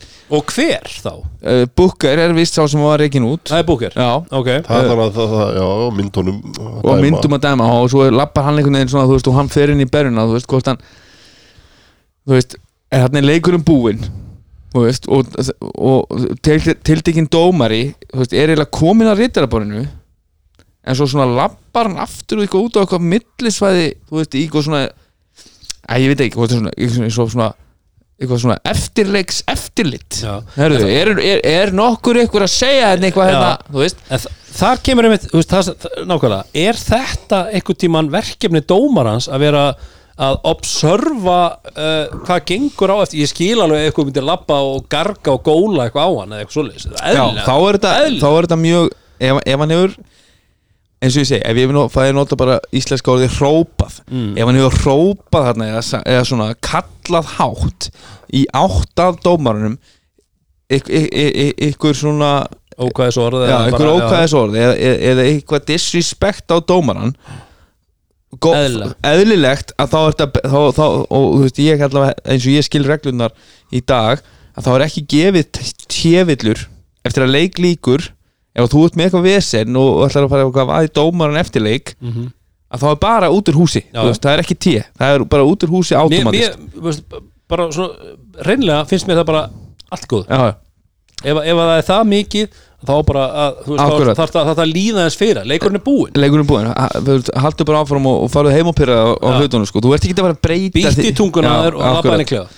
En hvernig, þú veist, eh, mér finnst þetta bara svona þú veist, eins og ég segi, við, við vitum ekki alveg um hvað er sagt eða hvernig það er sagt eða hversu hátt. Mm. en þetta lítur einhvern veginn út eins og það sé verið að leita upp eitthvað og þú veist, og hann lappar einhvern veginn svona, svona svona, já. áður en hann tekur sko dóminn sjálfan mm að þá er eins og hann sé lappi í áttað berjunni eru þeirra, þú veist, og svo framkvæmur hann og hann er komið svolítið nálagt þetta, þetta lítur þannig út og, þú veist, og það er það sem við erum að segja þú veist, eitt dæmi annað sem við erum að tala um uh, Má ég aðeins taka þetta bara hérna, vegna þess að hérna, uh, það er hann eitthvað, e, e, e, e, eitthvað í gangi þarna, sem sagt, fyrir þetta það sem að Everett og Logi eru eitthvað að, að kýta Já, bara ski, já, skiptast á skoðunum eitthvað. skoðunum Eftir- eftir eftir já, leik, eftir já. leik og, og hérna og þetta er einhvern veginn bara þá veist maður sá það svona í gangi og einhvern veginn horfði á þetta þess vegna uh, við vitum alveg að það eru ákveðin dómar þessu deild sem eru viljuri til að gefa teknivillur heldur en aðrir. Þessi dómari er einmitt af þeir sem ég er bara að horfa bara og veist, yfirleitt er hann ekki í því? Í því, nei, nei. Þannig að mér varst það mjög sérstætt á þessu tímamúndi þannig að ég bara vona innilega að það hafi eitthvað mikið átt sér stað. Já, já, já, og eins og, eins og þið voru að segja hérna á ef, að- ef að maðurinn hefur, þú veist, hrópað eitthvað að honum og þú veist, þá er hann bara að byggja um þetta Mhm. á þessum tímamúndi, þú segir bara, þú veist farðu bara inn í klefa kildi vegg eða eitthvað anskotan ekki vera að hrópa þetta en það, þú veist, þetta eftirlustlutur samt er þetta, þetta er mjög skríti hvernig, hvernig þetta er framkvæm já, já. já Og- og eins og þetta lítur við okkur þá er þetta bara mjög, mjög, mjög spes Já. en við höfum líka, sorry að, Já, við vorum að tala um þetta annað það sem þú ætlar að koma inn á núna er Já, þar sem að dómari er að hlaupa var það ekki Jú, rétt jú. skilja mér? En, en, bara, til, bara til að klára hitt. Ok, bara, ég, ég, ég ætla bara svona að setja mig sem þjálfara mm, í, í, í, í þau spór að ég hlaup ég, ég lappa til fjölskyldu minnar þú veist, kona mín eða eða, eða, eða, eða, eða, eða þið tveir væru á leik og myndu setja gesta megin í, í ljónagrufinni. Og, og þú veist, eftir leikin er ég, þú veist við veitum alltaf að setja njárugum með hinn hjá þér nei, Nei, þið nei, nei, myndu nei, bóttið nei, ég Það er mætti það er Ég hef mætti í- græna milli, við verðum á milli. við verðum í heiðustúkunni en segjum að þessi kominu þá út þarna þú veist, gestamegin, þar sem að við löpum inn í klefan okkar. Já, já, og dómarnir yfir eitt lappa þarna út líka skilur, eftir leikið, út í það hot uh, ég bara fer og þakka fyrir leikin og liði mitt fer í berju og ég lappa beint að stúkunni þú veist, og gef ykkur fyrst bump og þið, já bara hérna, þau bara eitthvað við sem að þið töpuðu þessu leik veist, ef ég segi mér bara heimaleikurinn sem við töpum mútið val fyrir á þessu tímabili, það sem er bara dæmt vittlust út af, það sem dómarinn segir nei, leikmaður stegi út af og tóka okkur lay-up sem enda að, svolítið að tapa leiknum fyrir okkur. Mm. krúsjaladri og ég stend þarna með ykkur og ég er náttúrulega bara eitthvað, þú veist eh, þetta er náttúrulega algjörlega galið að, að hérna, sé flauta út af og, og þú veist, ósáttu við það, einhvern einn ákveðin dóm, mögulega hef ég rétt fyrir mér, mögulega ekki þú veist, Já, það er já, allur já. gangur á því. Hiti leiksins og alltaf Já, og ef þeir koma lappandi fyrir aftan með þá á ég þá í samtali mínu Á við ykkur að, að, á ég þá, þú veist ég, út af þetta lítur út eins og kannski hann hefði verið að dröllu við störf dómaran inn í berju liðsins. Já, já. Má hann það ekki, má ég ekki koma veist, eftir leikin, ég er komin upp í stúki ég er ekkert að tala við dómaran, ég er að tala við þig og segja, já, mér finnst, veist, þessi dómur hann var algjörlega út úr kortinu eða eitthvað. Þess vegna er þetta mjög, veist, þarna kemur Hann svona, svona bara vangaveltur og við vitum náttúrulega ekki hvað hann verðist ekki vera að byggja um þetta eða skilvið en, en það sem ég var að tala um var til dæmis uh, eitt dómari sem að í rauninni hleypur í staðin fyrir að hlaupa bara venjulega línur eins og við dómarar eru þrýr náttúrulega að dæma þessa leiki. Hlaupa svo- svolítið út á við. Já, hlaupa út á við og, og tilbaka sem sagt fyrir aftur fyrir korfuna þegar það er að fara í aðra áttan einni þar og hi- hinn eru svona á, á sidelines ykkur megin. Að, að þá var í rauninni hlaupið í, í átta miðjunni. Og bara Af yfir því að- hringin að því að menn voru að ykkur tveir leikmenn voru að kýtast. Já sko, bara eiginlega einn leikmaður er að láta hinn leikmannin heyra sem að er, þú veist, í grunninn mm. Tæknivilla, skilur við það sem, það sem ég spyr mig mest og, og ég átti spjall við, við Halldóri um í dag er mismunurinn þú veist mögulega var ákveð eftir tí, síðasta tímanbili að herru þetta er of mikið. Gefðu þeim aðvörun fyrst. En veist, ég man ekki eftir að heyrta. En það, við, við töluðum nú hérna á síðasta ári um dæmi þegar leikmaður grindagur er reikin út úr húsi fyrir, fyrir að hafa skorað sterka körfu hérna í Keflæk hleypur tilbaka og veist, kallar snýr svona hausnum við í átt að milka og segir crybaby og veist, Já. lágt. Þú veist, var ekkert eitthvað, þú veist, hann var ekki með eitthvað stæla og hann fær tjevillu sem hann var, hann var búin að fá u og þetta er þá bara út úr húsi. En svo ertu að horfa á þennan leik í sjófapinu og Robert Turner fer, þú veist, aggressíft á Pétur skorar yfir hann, þú veist og einhvern veginn svona ja, þarna er, er, er Turner búin að vera alveg á eldi og búin að vera að skora hverja körfun og fætur annari og vörð tindastól sem er með að stoppa hann og hann er komin í eitthvað són og hann einhvern veginn svona eftir að hann leggur hann í þá lætur hann, þú veist þá er hann eitthvað að kalli áttina Pétri. Ef ég ætla að giska þar sem að ég náttúrulega lendi mjög oft í þessu sem bakverður alveg að spóla mig fram í vörninni, hægri vinstri. Yeah, right. Uh, að þú ert, hann er að segja við hann hei, þú getur ekki stoppað mig. Þú veist hvað, ætlar ekki að spila vörn? Mm þú veist, er þetta besta sem hún getur gert? Ég, ég er að fara að skora á því allt kvöldina þú veist, hann er eitthvað að trassa hann aðeins niður. En þú veist, munurinn sem við sáum bara úr þessum keflaði grindaðiklegi fyrra þegar, litánum í, í, eða eist, eistanum í, í grindaðiklunum fleikt út úr húsi. -hmm. fyrir að snúa hausnum tilbaka og segja crybaby, boom, tje straight up að þarna tekur dómarinn á það ákvörðun að herru, ég ætla að hlaupa hérna yfir miðuna og, Stoppa og, og garga á hann að segja hann gjöra svo vel að hætta þessu og svo halda áfram að dæmi leikin finnst mér það betri lausn heldur en tíð? Persónlega já, Já, já. veist, mér finnst það. Við viljum hafa leikmennuna A- eða á hann bara að segja þú veist, í fullkomnum heimi myndu, myndu allavega ég, ég og Dóri eins og við tölum um þetta í fullkomnum heimi þá er bara dóman ekkert að pæla í þessu hann hleypur bara sína línu og leifðu þeim aðeins einhvern veginn pústa nema að þetta búi til að þeir fara einhvern veginn þú veist, bringu bringu þetta verði eitthvað vesen Já, skilur og svo komið restin af, af liðinu og, já, já. Já, þú veist, ef, ef þeir fara eitthvað íti hvort annan eða eitthvað svona eitthvað að halda og toga, herru, búp, stopp, herru drókar, hættu þessu rugliðina Mhm. en bara misræmið finnst mér svo mikill hérna uh, svona er, er eitthvað sem að ég skil ekki. Og, og, En ég vona bara að þetta sé bara þannig að við, og, og, við erum bara að batna. Þannig að næsta skrif er bara að Davíð hlaupi bara sína línu og skipti sér ekkert af þessu. Nei, vegna þess að ég hef sagt þetta áður að fólki sem er að koma í húsið það er meðal annars að koma fyrir svona. Þetta er það sem körubóti snýst um. En, þú ferð á dómin þetta er eitthvað gæja og þú lætur hann heyra það. já, þetta, er það sem þekkjum- stuðningsmaðurinn þetta er það og sem við þekkjum úr körubólta þegar við vorum að byrja að horfa hérna Já, já. in the 90s og stuðningsmanna sveitirnar þær eru í ykkur djöfisins vesen allan tíman að kalli yfir og hitt skilur stuðningsmennir vilja þetta skilur stuðningsmennunum finnst gaman þegar einn gæðin er, er að skóla hinn gæðan að þá, þá, þá býr þetta til ennþá meiri skemmtun og orku fyrir alla sem er í húsinu. Þegar þú sér það hinn er honum aðeins auga þannig að gefa honum hérna smá auga smá bros, jafnvel segja hei, getur ekki dekka mig? Veist, þetta er það sem við viljum sjá. En fyrir allavega, fyrir mig að þá finnst mér misa ræmið Mhm. aðaladri ef, ef að að snúa sér tilbaka og segja crybaby, ef að það er taknivilla þú veist, og ef, það, ef þú ætlar að gera það í einhverjum leik Mhm. Þá, já, já. þá í einu leiknum á einhver, einhver annar dómar ekki að fara að hlaupa á eftir leikmanni og segja, herru, neina, þú, herru, þú er búin að vera gargáður hérna í sjö sekundur en nú átt þú að hætta.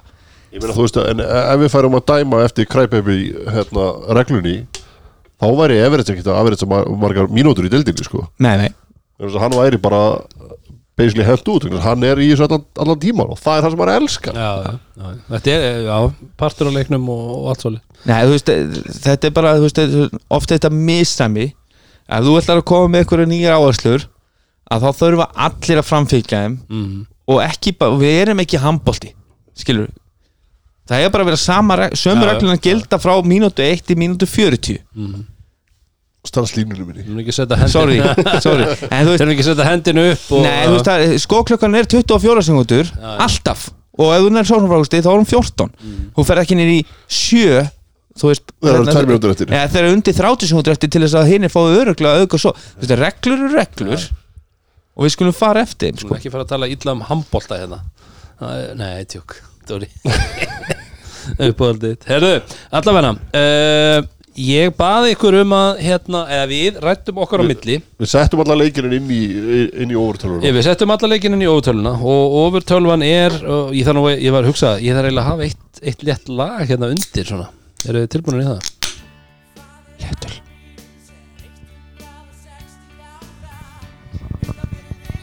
Ég veit um ekki hvað hljóðstu þetta er jú, jú. Þetta, er, þetta eru nýtönsk Já, og þetta er uh, sjálfsögur lagið Þetta er Nostradamus. Já, það er bara svoleiðis. Þannig að uh, Nostradamus er búin að virka. Hann, uh, Við settum þetta inn í ofurtöluna sem að heitir Nostradamus. Og allir leikir voru uh, Spilaðir til þrautar. Spilaði, já, í ofurtölunni og við fengum út uh, eina ansi skemmtilega spá eða, eða hvað ég var að segja. Svona, Þetta er, þetta, lík- þetta, þetta er niðurstaðan. Þetta er niðurstaðan. Svona verður þetta. svona verður þetta, svona munið Við enda. getum, við getum bara farið beint í úrslikefni já samkvæmt úrslitum okkar þetta er náttúrulega ekki að fara yfir úrslitin en uh, samkvæmt, Jarvík fjallu samkvæmt, já. Uh, við gerum það nú í fyrra það ekki? En uh, samkvæmt uh, ofurtölun okkar þá verður loka staðan svo og hlustið nú vel Njarvík enda í fyrsta seti uh, með innbyrðis á Þór Þorlásöp þannig að Njarvík verður nummer 1 Þór Þorlásöp nummer 2 bæði lið með átjón fjögur. Keflavík uh, í þriðasæti 15-7 Valur í fjóraðasæti með 13-9 Stjarnan í fymta sæti með 12-10 uh, Grindavík í sjötta sæti með 11-11 Tindastóll í sjönda sæti 11-11 líka, það er innbyrðis Grindavík á innbyrðis á Tindastóll að því, við sem, að því sem við best vitum við vorum þetta ekki búin að grántjekka það en við vorum nokkuð vissum um það uh, í áttunda sæti væri þá breyðablík þar sem að breyðablík og káer væru jöfn í 8. til 9. sæti með 10-12 rekord og En Breiðablik 50 á- stiga sigurinn Já, mögulega á breyðablík aðeins á káer þar Grínleikurinn Grínleikurinn gæti Hann- hann- farið hann Við- geti talið, hann geti talið ansi, ansi mikið. Íeringar í 10. sæti 9-13 og svo vestri 3-19 og Þóra Akureyri 2-20 Ha, ertu að segja mér að vestur og þóla akkur er falla? Já, samkvæmt þessu. Overtalan er að segja þetta rúnar. Ofurtalvan er, er, er hún jú Hún lígur ekki. Nei, það er Það er Nostradamus hugur IP 3033 Já, það er- er alveg hugur ekki í, ofurtölvun í tölvunni. Allavega uh, Njarvík uh, þa þannig myndi þetta uh, raðast að Njarvík fengi þó breyðablík Þór Þorlásson fengi tindastól, tindastól Keflavík fengi Grindavík og Valur og Stjarnan. Já, mjög áhugaverði leikir í áttalúslu heldur betur. Það þarf að vera að fá bara rematch af þessari umferð í fyrsta slagnum Njarvík breiðablík já má, má ég sá hérna loka töflu niður Já. og, veist, og þetta er sangvænt spáni. Og, og, en það er hérna Liðin eiga núna Svo því sé hald til haga fjó, Fjóra til sex leiki. Já, inni. Og þannig að það er nú alveg þú veist, Það er nú slagt þetta að gerast Og byggarkeppni inn á milli Undan úrslit og, og annað eins Hún hefur oft, oft hérna riðlað hlutum. Já, heldur betur, heldur betur. Þannig að það er nú margt sem getur breyst þarna En, en tölvan allavega svona að rekna þetta uh, Ansi Já, e, en það, það sem er kannski alveg verðt að minnast á a, a, fyrir þessa spá að hérna þetta er, það eru náttúrulega margir leikir núna í síðustu fjórum umförunum og, og þeim leikjum sem á eftir að spila sem eru frestaðir Mm. sem eru, þú veist, trikki þetta er bara 50-50 leikir Já, já, teknilega séð, ofurtölvan hefur, hefur, hefur talað. Já, já. en, en það, það eru, þú veist, samkvæmt þessari spá eru tvö lið sem enda með 11 sér og tvö lið sem enda með 10 þannig að þið sjáu það, það er mjög lítið sem sker á milli. Eitt, eitt, eitt Það er mjótt á mun það er mjótt á munu, eitt séur upp eða niður þú veist, getur breytt öllu. Og, og sem bara sem dæmi ef að breyðablík myndi enda á að vera hvað er það, við segjum bara þeir myndi enda í nýju að, að þeir myndi ekki ná upp í hennan tíunda sigur. Mhm. og, og KR segjum að KR endur bara á sama stað. Já, já. að þá ertu samt komið með Njarvík KR 1-8 Já, já. Þú veist, það er eitthvað þú veist, KR er ekki búin að vera með sama lið og þeir eru með í dag. Nei. allt tímabilið. Og það er bara Þeir eru líka bara aldrei búin að vera á sama liði veist, þú veist, og Já, það og, og verði ekki með það allavega næstu að það náttúrulega eru frestaði leikir inn á milli sem að þeir get ekki stilt upp öllu lið fyrir utan leikbann, ég meina þegar hann eitt leikbann já, það ekki. Hann allavega satt hann einn upp í að stúku að- en, eins og ég segi þú veist, Það hefði örugglega komið fram. áttalið áttalið úslitin Njarvík Káar þú veist, og, og bara bara Þór Þólas er tindastól. Tindastól liðið sem að við töluðum um hérna fyrir síðasta sumar að væri bara hérna með, með peningana já, já, sko flæðandi og vera að taka gæður úr efstu hyllunum og ættu bara að- ná ykkur um árangri sem að, er klárlega ekki búin að sína sig á parkettinu veitur Mhm. en þeir síndu það bara í gæður á móti liði stjórnuna sem er líka velmannalið Mhm. að þeir eru með fullt af gæðum í sínum leikmannhópi þeir eru með Seitrek Arna sem á, á sínum degi getur bara reynst betur en enginn, getur sett niður sama hversu góða vörð þú spilar á, á Seitrek Arna, hann getur sett alls konar skot Mhm. þannig að þessi, þessi áttalega úslit sem við erum að fara að horfa við, og, og, við vorum spenntir í fyrra uh, ég held að þetta veri ennþá jafnara í ár við erum ekki með jafna, með jafn, jafna deilt frá þú veist bara 1-12 eins og í fyrra Mhm. það sem bæði liðið sem fjallu gátu unni liðin auðveldlega sem voru í fjórða og fymta seti Já, ég veist, og ef að hlutnir væru eðlir þá hefði Njarvík fallið, skilur Já, eitthvað, eitthvað, eitthvað þannig skilur en í dag er aðeins meiri munur Já, já, En- klárlega. en í, þú veist, í topp 8 getur við verið með fjórar bara mjög tvísýna serjur í hvað átt sem er. Já. Þessi var að segja, segja á þann með eins og Keflavík, Grindavík Þar ertu með Mhm. uh, kannski einvíi sem að heldar milka hvað best af öllum í, í þessari dild að þjórt með þungan Já, þungan ég er að segja þú, það ertu bara með 5 á móti 5 skilur við. Þannig að Já, og ég meina, og skemmtilega sögulínur ef þetta fer svona, ég meina, það er náttúrulega Sverrir Keflavík Já, og, og, og svo ertu með Baldur í- Baldur í Þorlákshöfn Þólasöfn og- og, Já, þú veist, það er bara svo mi- og, og Njarvík Breiðablík eða Njarvík Káer það verður bara rúnars slagur í, í Njarvík Breiðablík, samkvæmt ótölunni þannig að þetta, verður- er áhugavert þetta er mjög áhugavert, en heyrðu eh,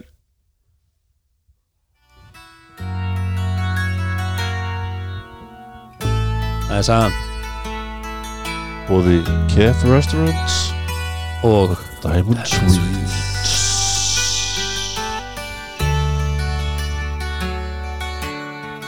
Ég segi það enn og aftur ef það hefði ekki farið á KF Röstum drífið ykkur.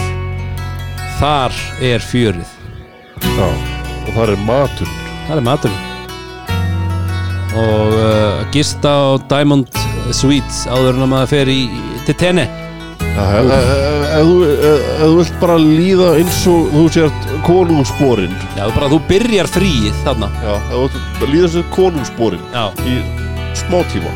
Smá tíma, þá er það þar. Skella sér til steina. Kef Restaurant Diamond Suites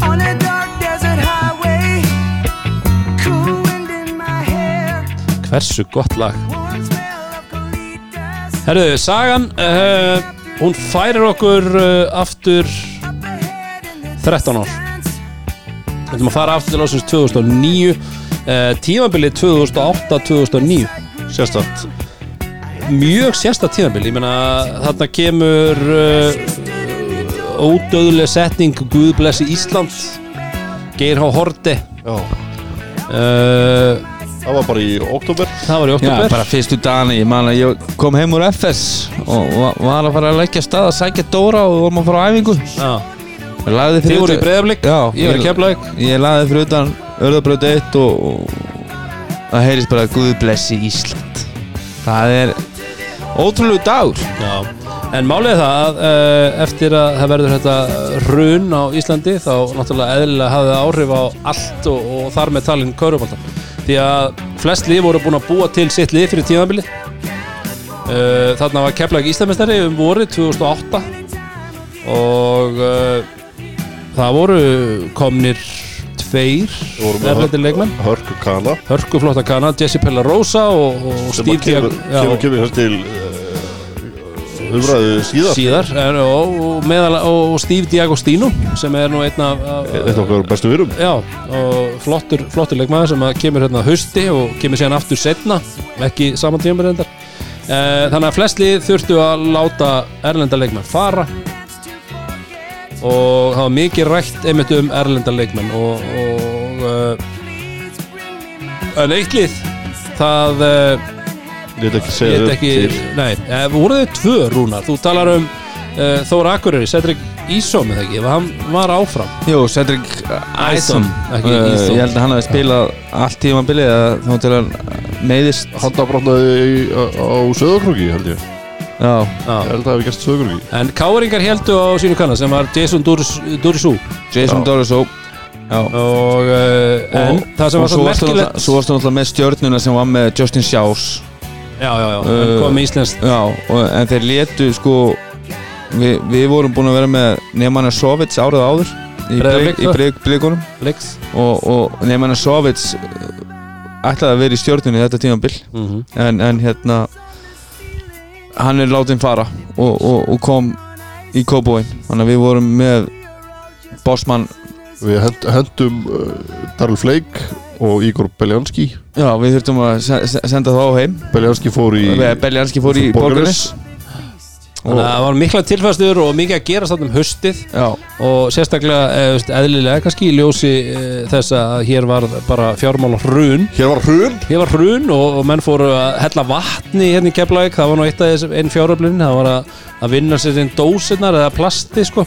Þú veist meira fyrir plasti heldur en að gefa vatni þannig að við vorum að hella hérna brettum af vatni uh, útrunnu að ég held frá hérna komu Þorlásum Já, Gleisjar Þannig að það var ímislegt sem var, var gert á tímabili og, og, en það sem var kannski sérstakast við þetta tímabili var það að uh, í káarliði kom tilbaka Prime Jón Arnór Stefánsson okkar, einna, bara okkar besti. Geitin okkar eins og við erum búin að ræða um hana hérna í síðustu þáttum. Uh, Jakob Sig kom líka og fyrir voruðu með Helga Magg Íslamestara síðan 2007 uh, Fannar Ólafsson uh, Brynjar Þór Björnsson og Káringar voru með rosalegt lið.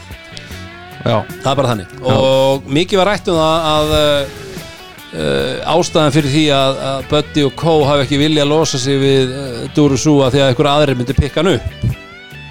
Það var svona, það var flökkusaga sem gekk hvort sem hún var sönn eða raung uh, skipti kannski öllu máli, en það var allavega til superlið í Vesturbænum.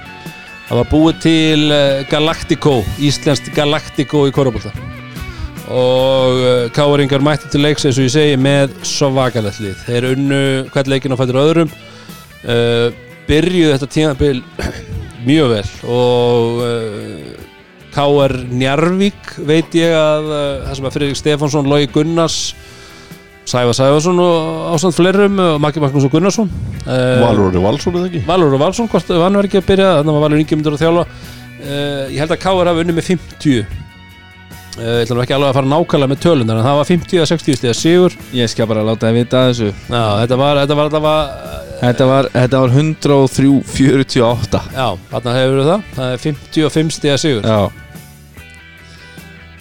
þannig að það var augljóst mál að káringar voru mættir til þess að uh, vinna allt saman. Uh, og í rauninni eina liði fyrir utan Þórakurri sem að uh, losaði sig ekki við Kana. Já. Það eru margir, að- sko, er margir mjög skemmtilega leikir á þessu tíðanbili og, Já, og þetta var svolítið svona Íslendinga tíðanbili þetta var Já. bara það sem að Íslendingar fengu að- skína ef, við fáum að nefna eitt leik þá var einmitt breyðablik Njarvík í, í, í smáranum sem var tví framlengdur spennu trillir Já, já, já og voru og Ég margir er þá að slá ábyrð á.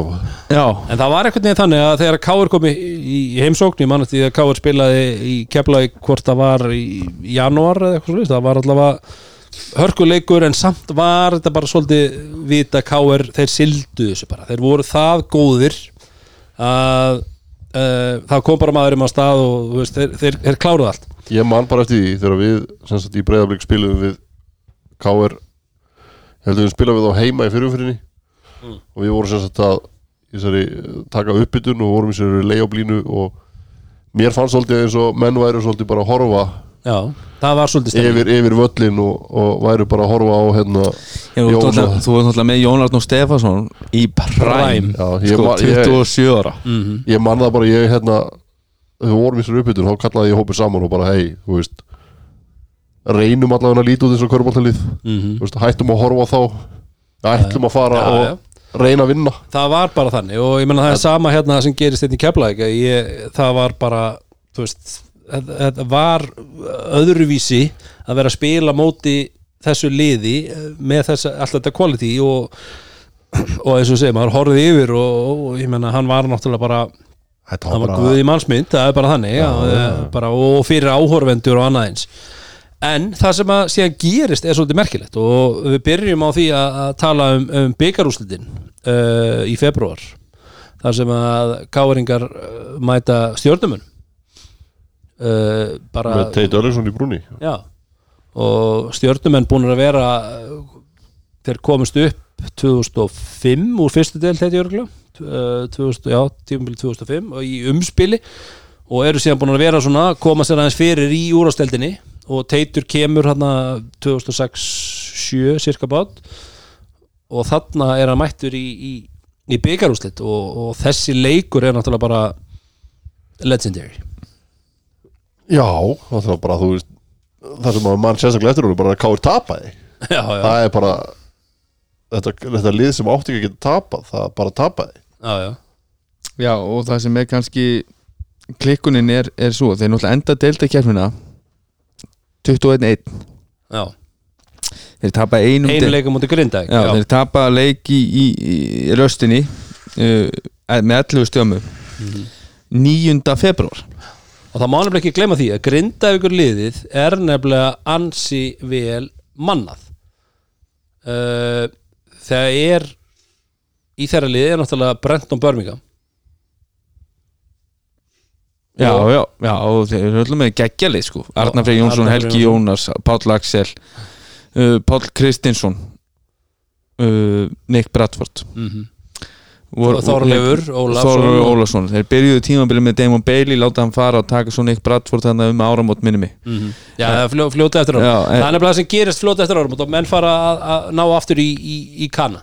Og eins og með okkur í Keflag þá kemur Jesse Pilla Rosa aftur uh, tæpir á seri á móti Káir þetta töpuð 3-0 en þar var, Jesse Pilla Rosa held ég með average yfir 50 stygg Já. Og svakalur. En, og þar var þitt golden moment þar var mitt golden moment sem hefði mögulega sem- geta bara, já, breytt mér en, for life. en þetta er svona Geit, Geitin svaraði því. Geitin svaraði Geitin svaraði með einni svakalastu korfu bara íslenska korfbalta sögunar Ég mun aldrei fyrirgefa hana því það. En en þetta er svona einmitt, þetta, þetta, þessi ótrúlega hérna andlega tilfinning.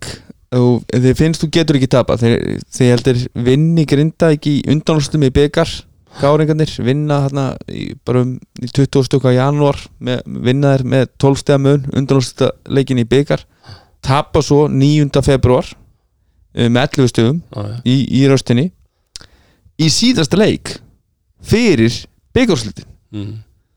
og fyrir februar þá voru þeir ekki búin að tapa einum leik Akkurat á Akkurat. tapa síðasta deildaleiknum fyrir byggarslut mm.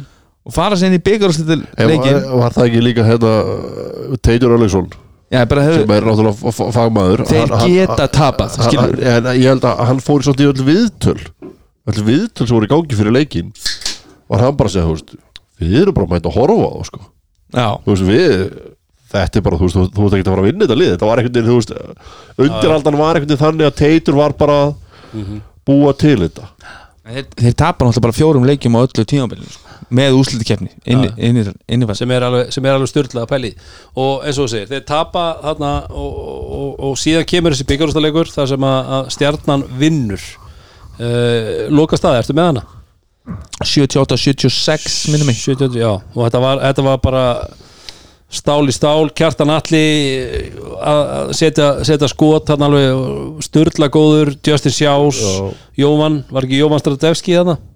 Jóhann Sadrefski jú, með 20, 23 stig og 11 Marvin. frá águst og, og Justin Sjás með 22 þeir voru svona þessi tveir menn hérna með yfir 20 og, stjarnan voru góðir þrátt fyrir það, að, þú veist, það var lendi í, hreimingu og, og Fannar Freyr Helgason. Já, minn maður, 11 stig 19 frá águst minn maður. Ekki slæmt, ekki slæmt.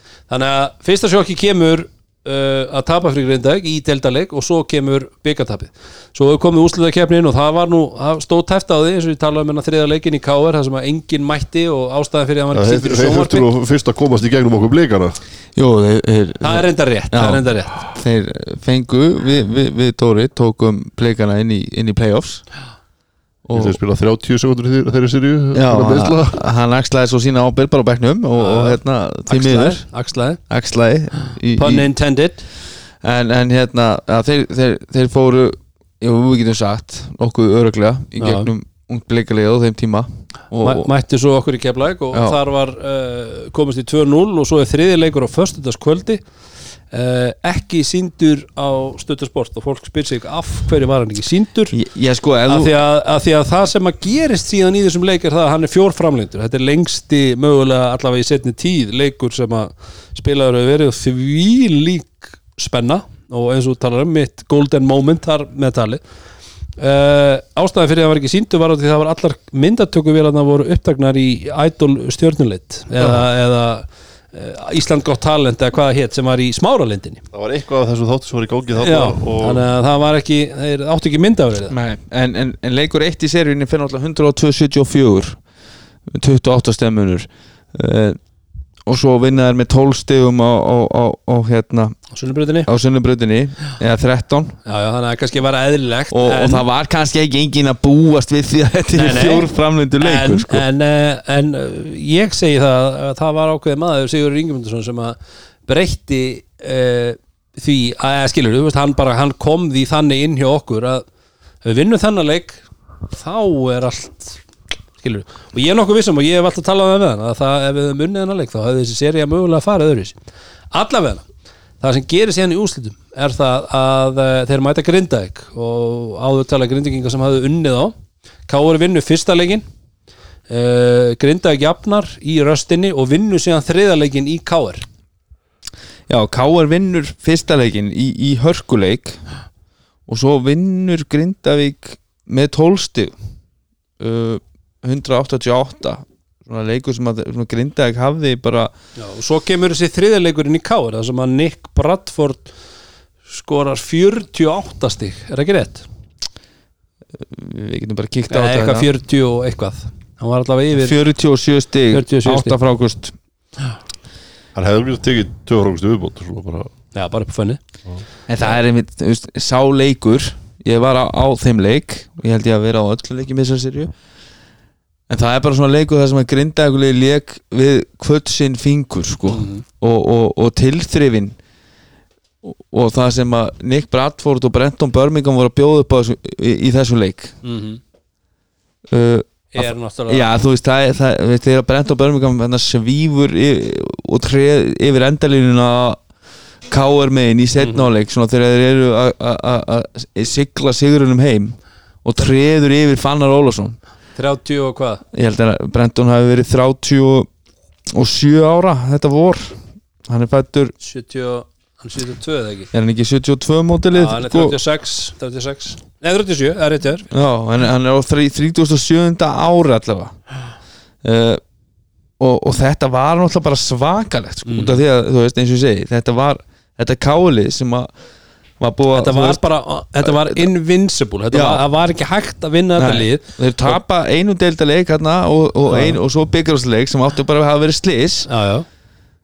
Og svo eru það allt í hennu komnið 2-1 undir í, í lokáslitum þú Já, veist. þetta er, þetta er alveg þetta er nefnilega alveg styrlað og, og, og líka það að, að þú veist, eins og segir, lenda 2-1 undir vinna síðan enda fjóraðleikin inn í Grindavík. Já, það er akkurat, þú veist, þeir eru tvö eitt undir á leiðin í grindag já, og, og þeir ná að klára Allir með fánan Rúnar Já, ég trúi og þú veist já, já. Allir í gulu Allir í gulu, allir í Ísis- Ísis peysunum. Egil Birgi þarna með ykkur Big Baby með ykkur rosaleg vídeo sem voru sínda á risaskjá hérna fyrir leik að kveiki liðinu og eitthvað svona var hann farin að gera það hann? Já, Já, ok, ok 12 ára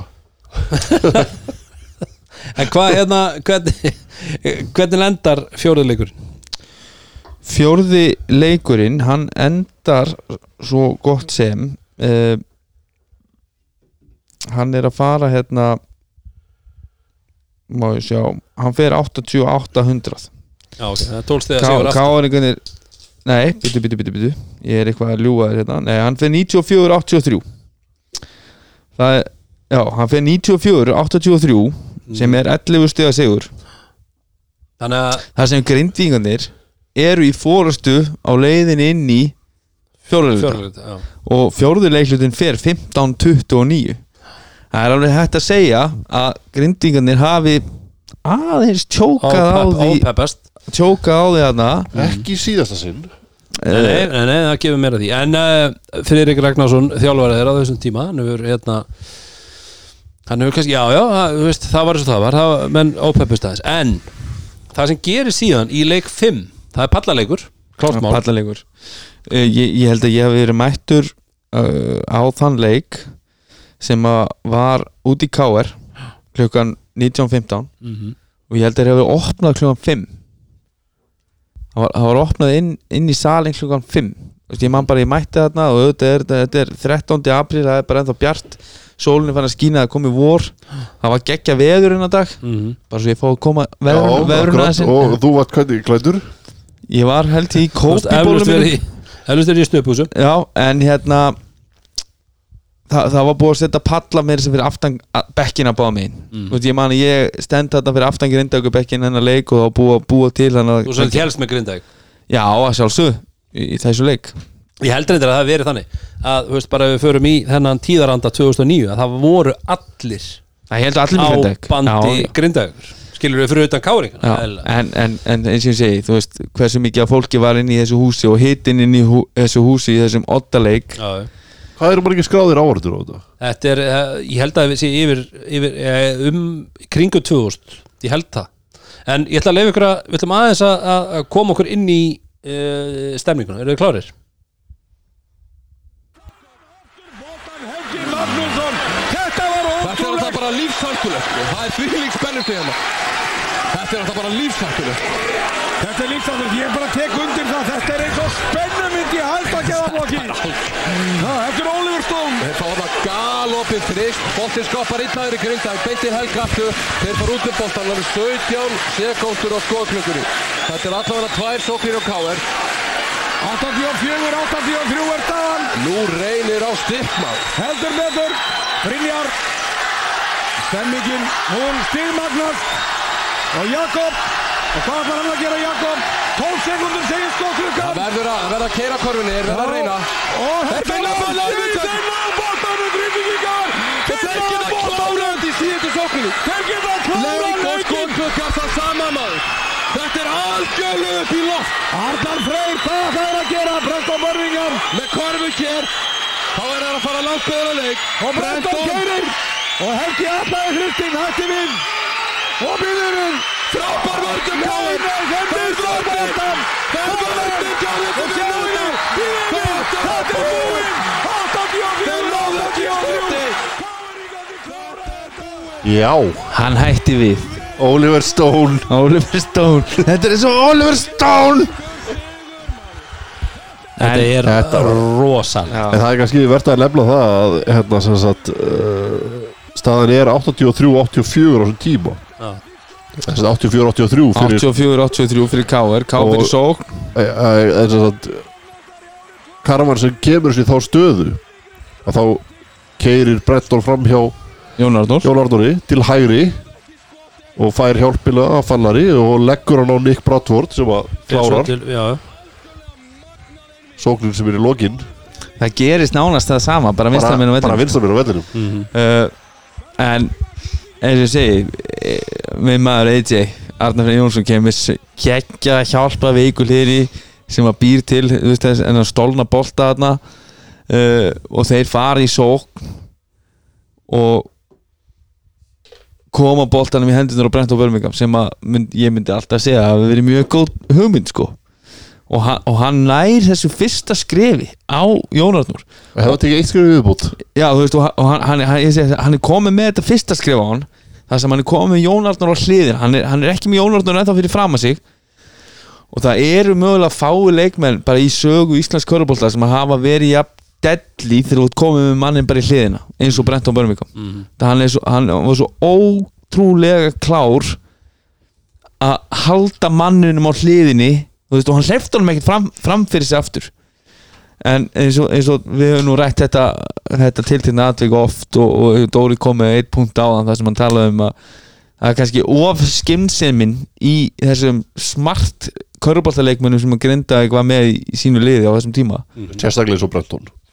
Brenton, mjög smart leikmaður. Hann er að dræfa á Jónlóðan og það er, hann sér það eru ní- níu, til tíu sekundur eftir á klukkunni.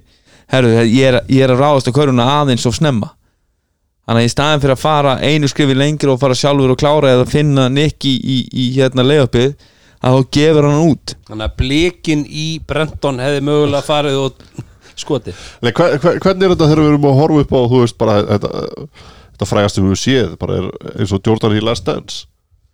Þegar hann er í skotinu horfir á klukkun og það eru 6 6,6 sekund eftir. 6.4 Já. Það er náttúrulega já boltin er að fara ofan í þá er ennþá 6 sekundur eftir sem hefði verið svipaðu tími dött honum og Nick og Nick hefði klárað. Þú verður bara að skora á þessu tíma. Já, bara, en, en, en, en svo er hann reynda með eina eitt mesta töffaran í einmitt í hérna sögu grindaðugur Helgi Jónas Guðfinnsson. Bara Hann- ég- sér hann vinstra líka þetta út frá grindaði sko. þetta er bara einhver, einhver allar með töffari sem við séð. Já, og þú veist, og gæðin sem er tilbúin að setja öll stóru skoti niður. Og hann sér að maðurinn hans er að, er að horfa á sig og fellur niður. Og hann er með hérna, eina mest delli skittuna í bransanum. Mhm. og hann tekur kickátti til vinstri út af þryggjastilurina og eins og Gaupi segir Helgi fær boltan, hann hætti við. Og það hann fer eins og hann sé að fara í en hann kemur einmitt annað veist Otta leikur í Íslandsmeistaratitilin, það er einstiksmunur og það er minnum tíu segundur eftir að leiknum. Hversu oft gerist þetta? Hversu geggjuð seria var þetta árið 2009 sem En- en- endar en- með öllum þessum gæða leikmennum minna og gæði já eru frábær. Já, og þetta er nákvæmlega það sem við viljum og það er til ákvæmst það sem við erum um þetta ástæðan fyrir að við erum alltaf að tala um bara deildin okkar fögru og bara það sem við höfum hérna er það að við viljum sjá þetta scenario, við viljum sjá, Já, eins og segi tíu geggjaða leikmenn inn á í lokin fyrir það. 2000 manns og, og tíu, tugir þúsund að horfa í sjónvarpi. Þetta er það sem við, að, við vorum að leika okkur í Millabakaskóli í gamla daga. Við vorum að leika þetta. Já, já, að við erum í þessu scenarjói bara í þessu sinneru þrjár, tvær? Já, og veist það, svo hendur þeir einhvern veginn svona aftur og bak og, og, og lendir í malbygginu og, og, og sást bótt að fara í gennum keðjuna. það, sem menn kallar í dag Kobe. Já, En þetta, þetta tímabil var allavega algjör nostalgí og ástæðan fyrir að við tökum svona sögupúnt uh, er náttúrulega fyrst og síðast þetta síðasta moment sem að við spilum í þáðan er náttúrulega sögulína út af fyrir sig. En tímabilið í heilsinni var mjög ég, þetta er örugglega eitthvað mesta ef moment bara í íslenski köruboltasögu ef, ef og hefði. Já, í, þe- í svona leik í svona otta leikum það er, þú ert einu stíðindur þú átt heilt possession mm og þeir ná ekki skoti. Ef Brenton hefði tekið eitt skrifið bútt -hmm. ef, Ef að Helgi Jónas hefði hent upp skotinu. Ef að Helgi Jónas hefði bara hent upp þryggjastaskoðinu það er endalist þetta ef sko. Þú þú veist, svo ertu líka alltaf að hugsa og það, það, það breytir sögunum Hind- hverju já, já. og hvort að þetta hefur verið þú veist, auðvitað er grindæk með all svakalegt 6-7 manna rotationana á þessum tím, tím, þessu, á þessu tímambili já, já. en þetta hefði samt verið eitthvað svakalegasta uppsett og uppsettið hefði verið nákvæmlega Hvað hefði þetta gert fyrir framhaldið á Káir? Þetta kemur Íslandsmeistatíð mjög góða punktur. Það ko- koma síðan setna hann sem Íslandsmeistatíð sem þið vinna. Já, en þeir vinna reyndar 2007 Já, þið vinna 2007 já, en þú veist að ef þeir hefði ekki unnið 2009 það hefði alveg mögulega þú veist, og, og grinda eitthvað þeir farið á stað þarna. Það hefði alveg geta verið Já, þú að Ef og grindæk hefði. vinna síðan 2012 og 13 Akkurat. Þannig að það var alveg hel- heldur betur efni viður og, og, og allt til staðar í Grindavík en það heldur þeir áfram. Já, þetta var En þetta tímabil var eins og ég segi, bæði þú veist, það voru læðir, það var heldur betur það voru allir sendir heim og, og, og allt klárað um, um hausti og svo um voru kemur þetta þetta sturlaða playoffs og, og, og þessi ótrúlegu þessi- byggarúslit Og þessi endir. Já, já, nákvæmlega, þessi endir. Þetta, þetta tíðanbíl væri bara þú veist, Þetta er bara heilt podcast bara fyrir þetta tíðanbíl Það er bara þannig. Já, ef, ef, við myndum enda í ljónagrifinu í leik 5 og haugur helgi með boltan einu stíu undir á móti Þór Þólasöp skilur við veist, þá væ- við getum ekki beðið mikið meira. Þá væri við, þá væri við allsælir sko. Þetta er sjátt á þig haugur Já. Það vest að við að það væri bara 330 manns í stúkunum ekki 2000 En það er önnur segja Það er önnur segja Við myndum færa þetta á sunnubröðina Þetta er í Reykjanesbæ. En- Shine bright like a diamond. Eftir svona yfirferð þá er fínt að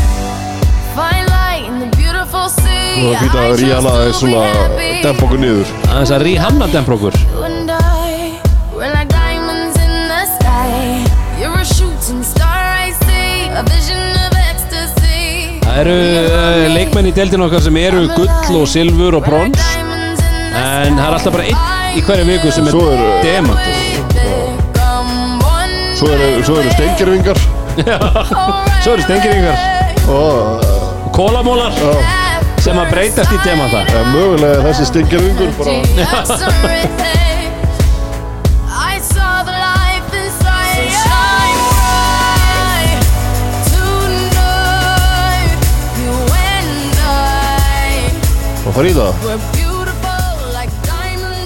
uh, Demantur vikunar í bóði Diamond Sweets og Kef Restaurant. Engin annar en beautiful like diamonds. Danero Thomas. Danero Thomas. Það er ekki ótt að þið komum úr tabljónum maður. Nei, við höfum kannski svona meira Re- við- við reynt að forðast það. allavega, Já, reynd að hafa þannig en það er eiginlega ekkert að komast hjá því. Danero Thomas á störtlaðanleik uh, hann skorar 37 stig 15 frákvöst 45 framlæst Já. sko Þetta er svona tryggva-esk numbers Daniel Thomas útskrifast frá Murray State háskólanum 2010 þar sem að hann er að enda sinn feril þar sem hann setur börser fyrir sigri í fyrsta rándi í Mars Madness í tournament. Þar sem hann fær boltan og, og fer í svona feita vegi eftir innkast og, og vinnur sigur eins og gerir svo einhvern veginn alltaf oft með, veist, með magt köruboltalegi í heiminum. Að þá er svo fáranlega hvað þetta gerist oft í þessu blessaða Mars Madness Já. tournamenti í NCAA en síðan kemur hann inn og er sænar af K.R. og þetta er 2012 held ég sem hann er sænar af K.R. kemur hérna og er rekin bara eftir nokkru leiki en var hérna áfram og er, er hér enn en ég viðkynni að, að þegar hann var hérna þetta er hérna fyrir áramót 2012 að þá er hann nýbúið rekan frá K.R. en K.R. Bumban KRB, þeir áttu byggarleik nokkur ungu setna og ákvaða hefðu sláum hérna tvær flögur einu hauki, hefðu, þú ert rekin en vilt ekki býða aðeins og spila með okkur hérna eitt, eitt byggarleik með KRB sem var á hlýðrenda á móti val. Þe- þegar ég spilaði á móti Daniel og Thomas haustu 2012 og hann var rekin í hálfleik í leik með KRB stuttu og, og þú veist eftir að Chris Woods góðvinnu minn var búin að tróða svo svakalega í andlita á honum Það bjóst ekki við þessu. þá bjóst ég ekki við ég myndi sitja heima á mér tíu árum setna að vera að kalla hann demant vikuna með ríunu und, uh, uh, vera að spila hann undir sko. Víana við sem til þá. Nei, hún var ekki hún var ekki fræg sko. Nei, Jú, hún var fræg þetta er eins og ég segi það, hann, hann er hérna búin að á vera, Bermuda? Nei, hvað var það? Bahamas. Jú, jú, Bermuda. Hann er búin að vera lengi í þessu maðurinn. Hann er búin að vera lengi í þessu. hann er búin að vera lengi á, Hann ber á það með sér. Já, og, bara tímabilið í vetur bara hans besta í Já. mörg Já. ár. 30, 36 ára á á árinu og Mest effortless skot sem þú sérði í ja, bóttanum því lík stróka sem að gæna með sko. geggjaða leikmaður. Og hann var heldur betur góður á móti Njárvík þó að það hefði ekki kláraða og uh, beðið tapaði. En skiptir ekki í að uh, við erum tæmtir í kvöld. Heldur betur. Þökkum okkar uh, helstu styrtar aðalum White Fox, Viking Light. KF Restaurant og Diamond Suite og Senta Mani Sintamani Eru við ekki að fara hérna nýr á Diamond Lounge? Jú. Núna? Við erum á leiðinni, við ætlum að kíkja, það er lögðskvöld Við ætlum aðeins að kíkja á, á KF Röstan Sjá hvernig stemningin er, við ætlum að kíkja á Marko Vinn minn Já. uh, Þannig að þegar þið heyrið okkur næst Þá uh, verðum við mögulega búin að fá okkur eitt, tvo uh, Í mildtíðinni Já, en, en í myndinu þá hlustið þið á podcastuðina besta stöðin Alltaf Besta stöðin Já. Og ef ykkur vantar stað til þess að taka podcast Ef þið eru í stemningu fyrir það þá getið þið komið hérna í Whitefox stofuna frá með miðum april Nei, nei, nei. Við förum á podcastuðina Farið á podcastinu Eru þið klár? Uh, annars endur við þetta á vanlega nótum og segjum Love is Love is game.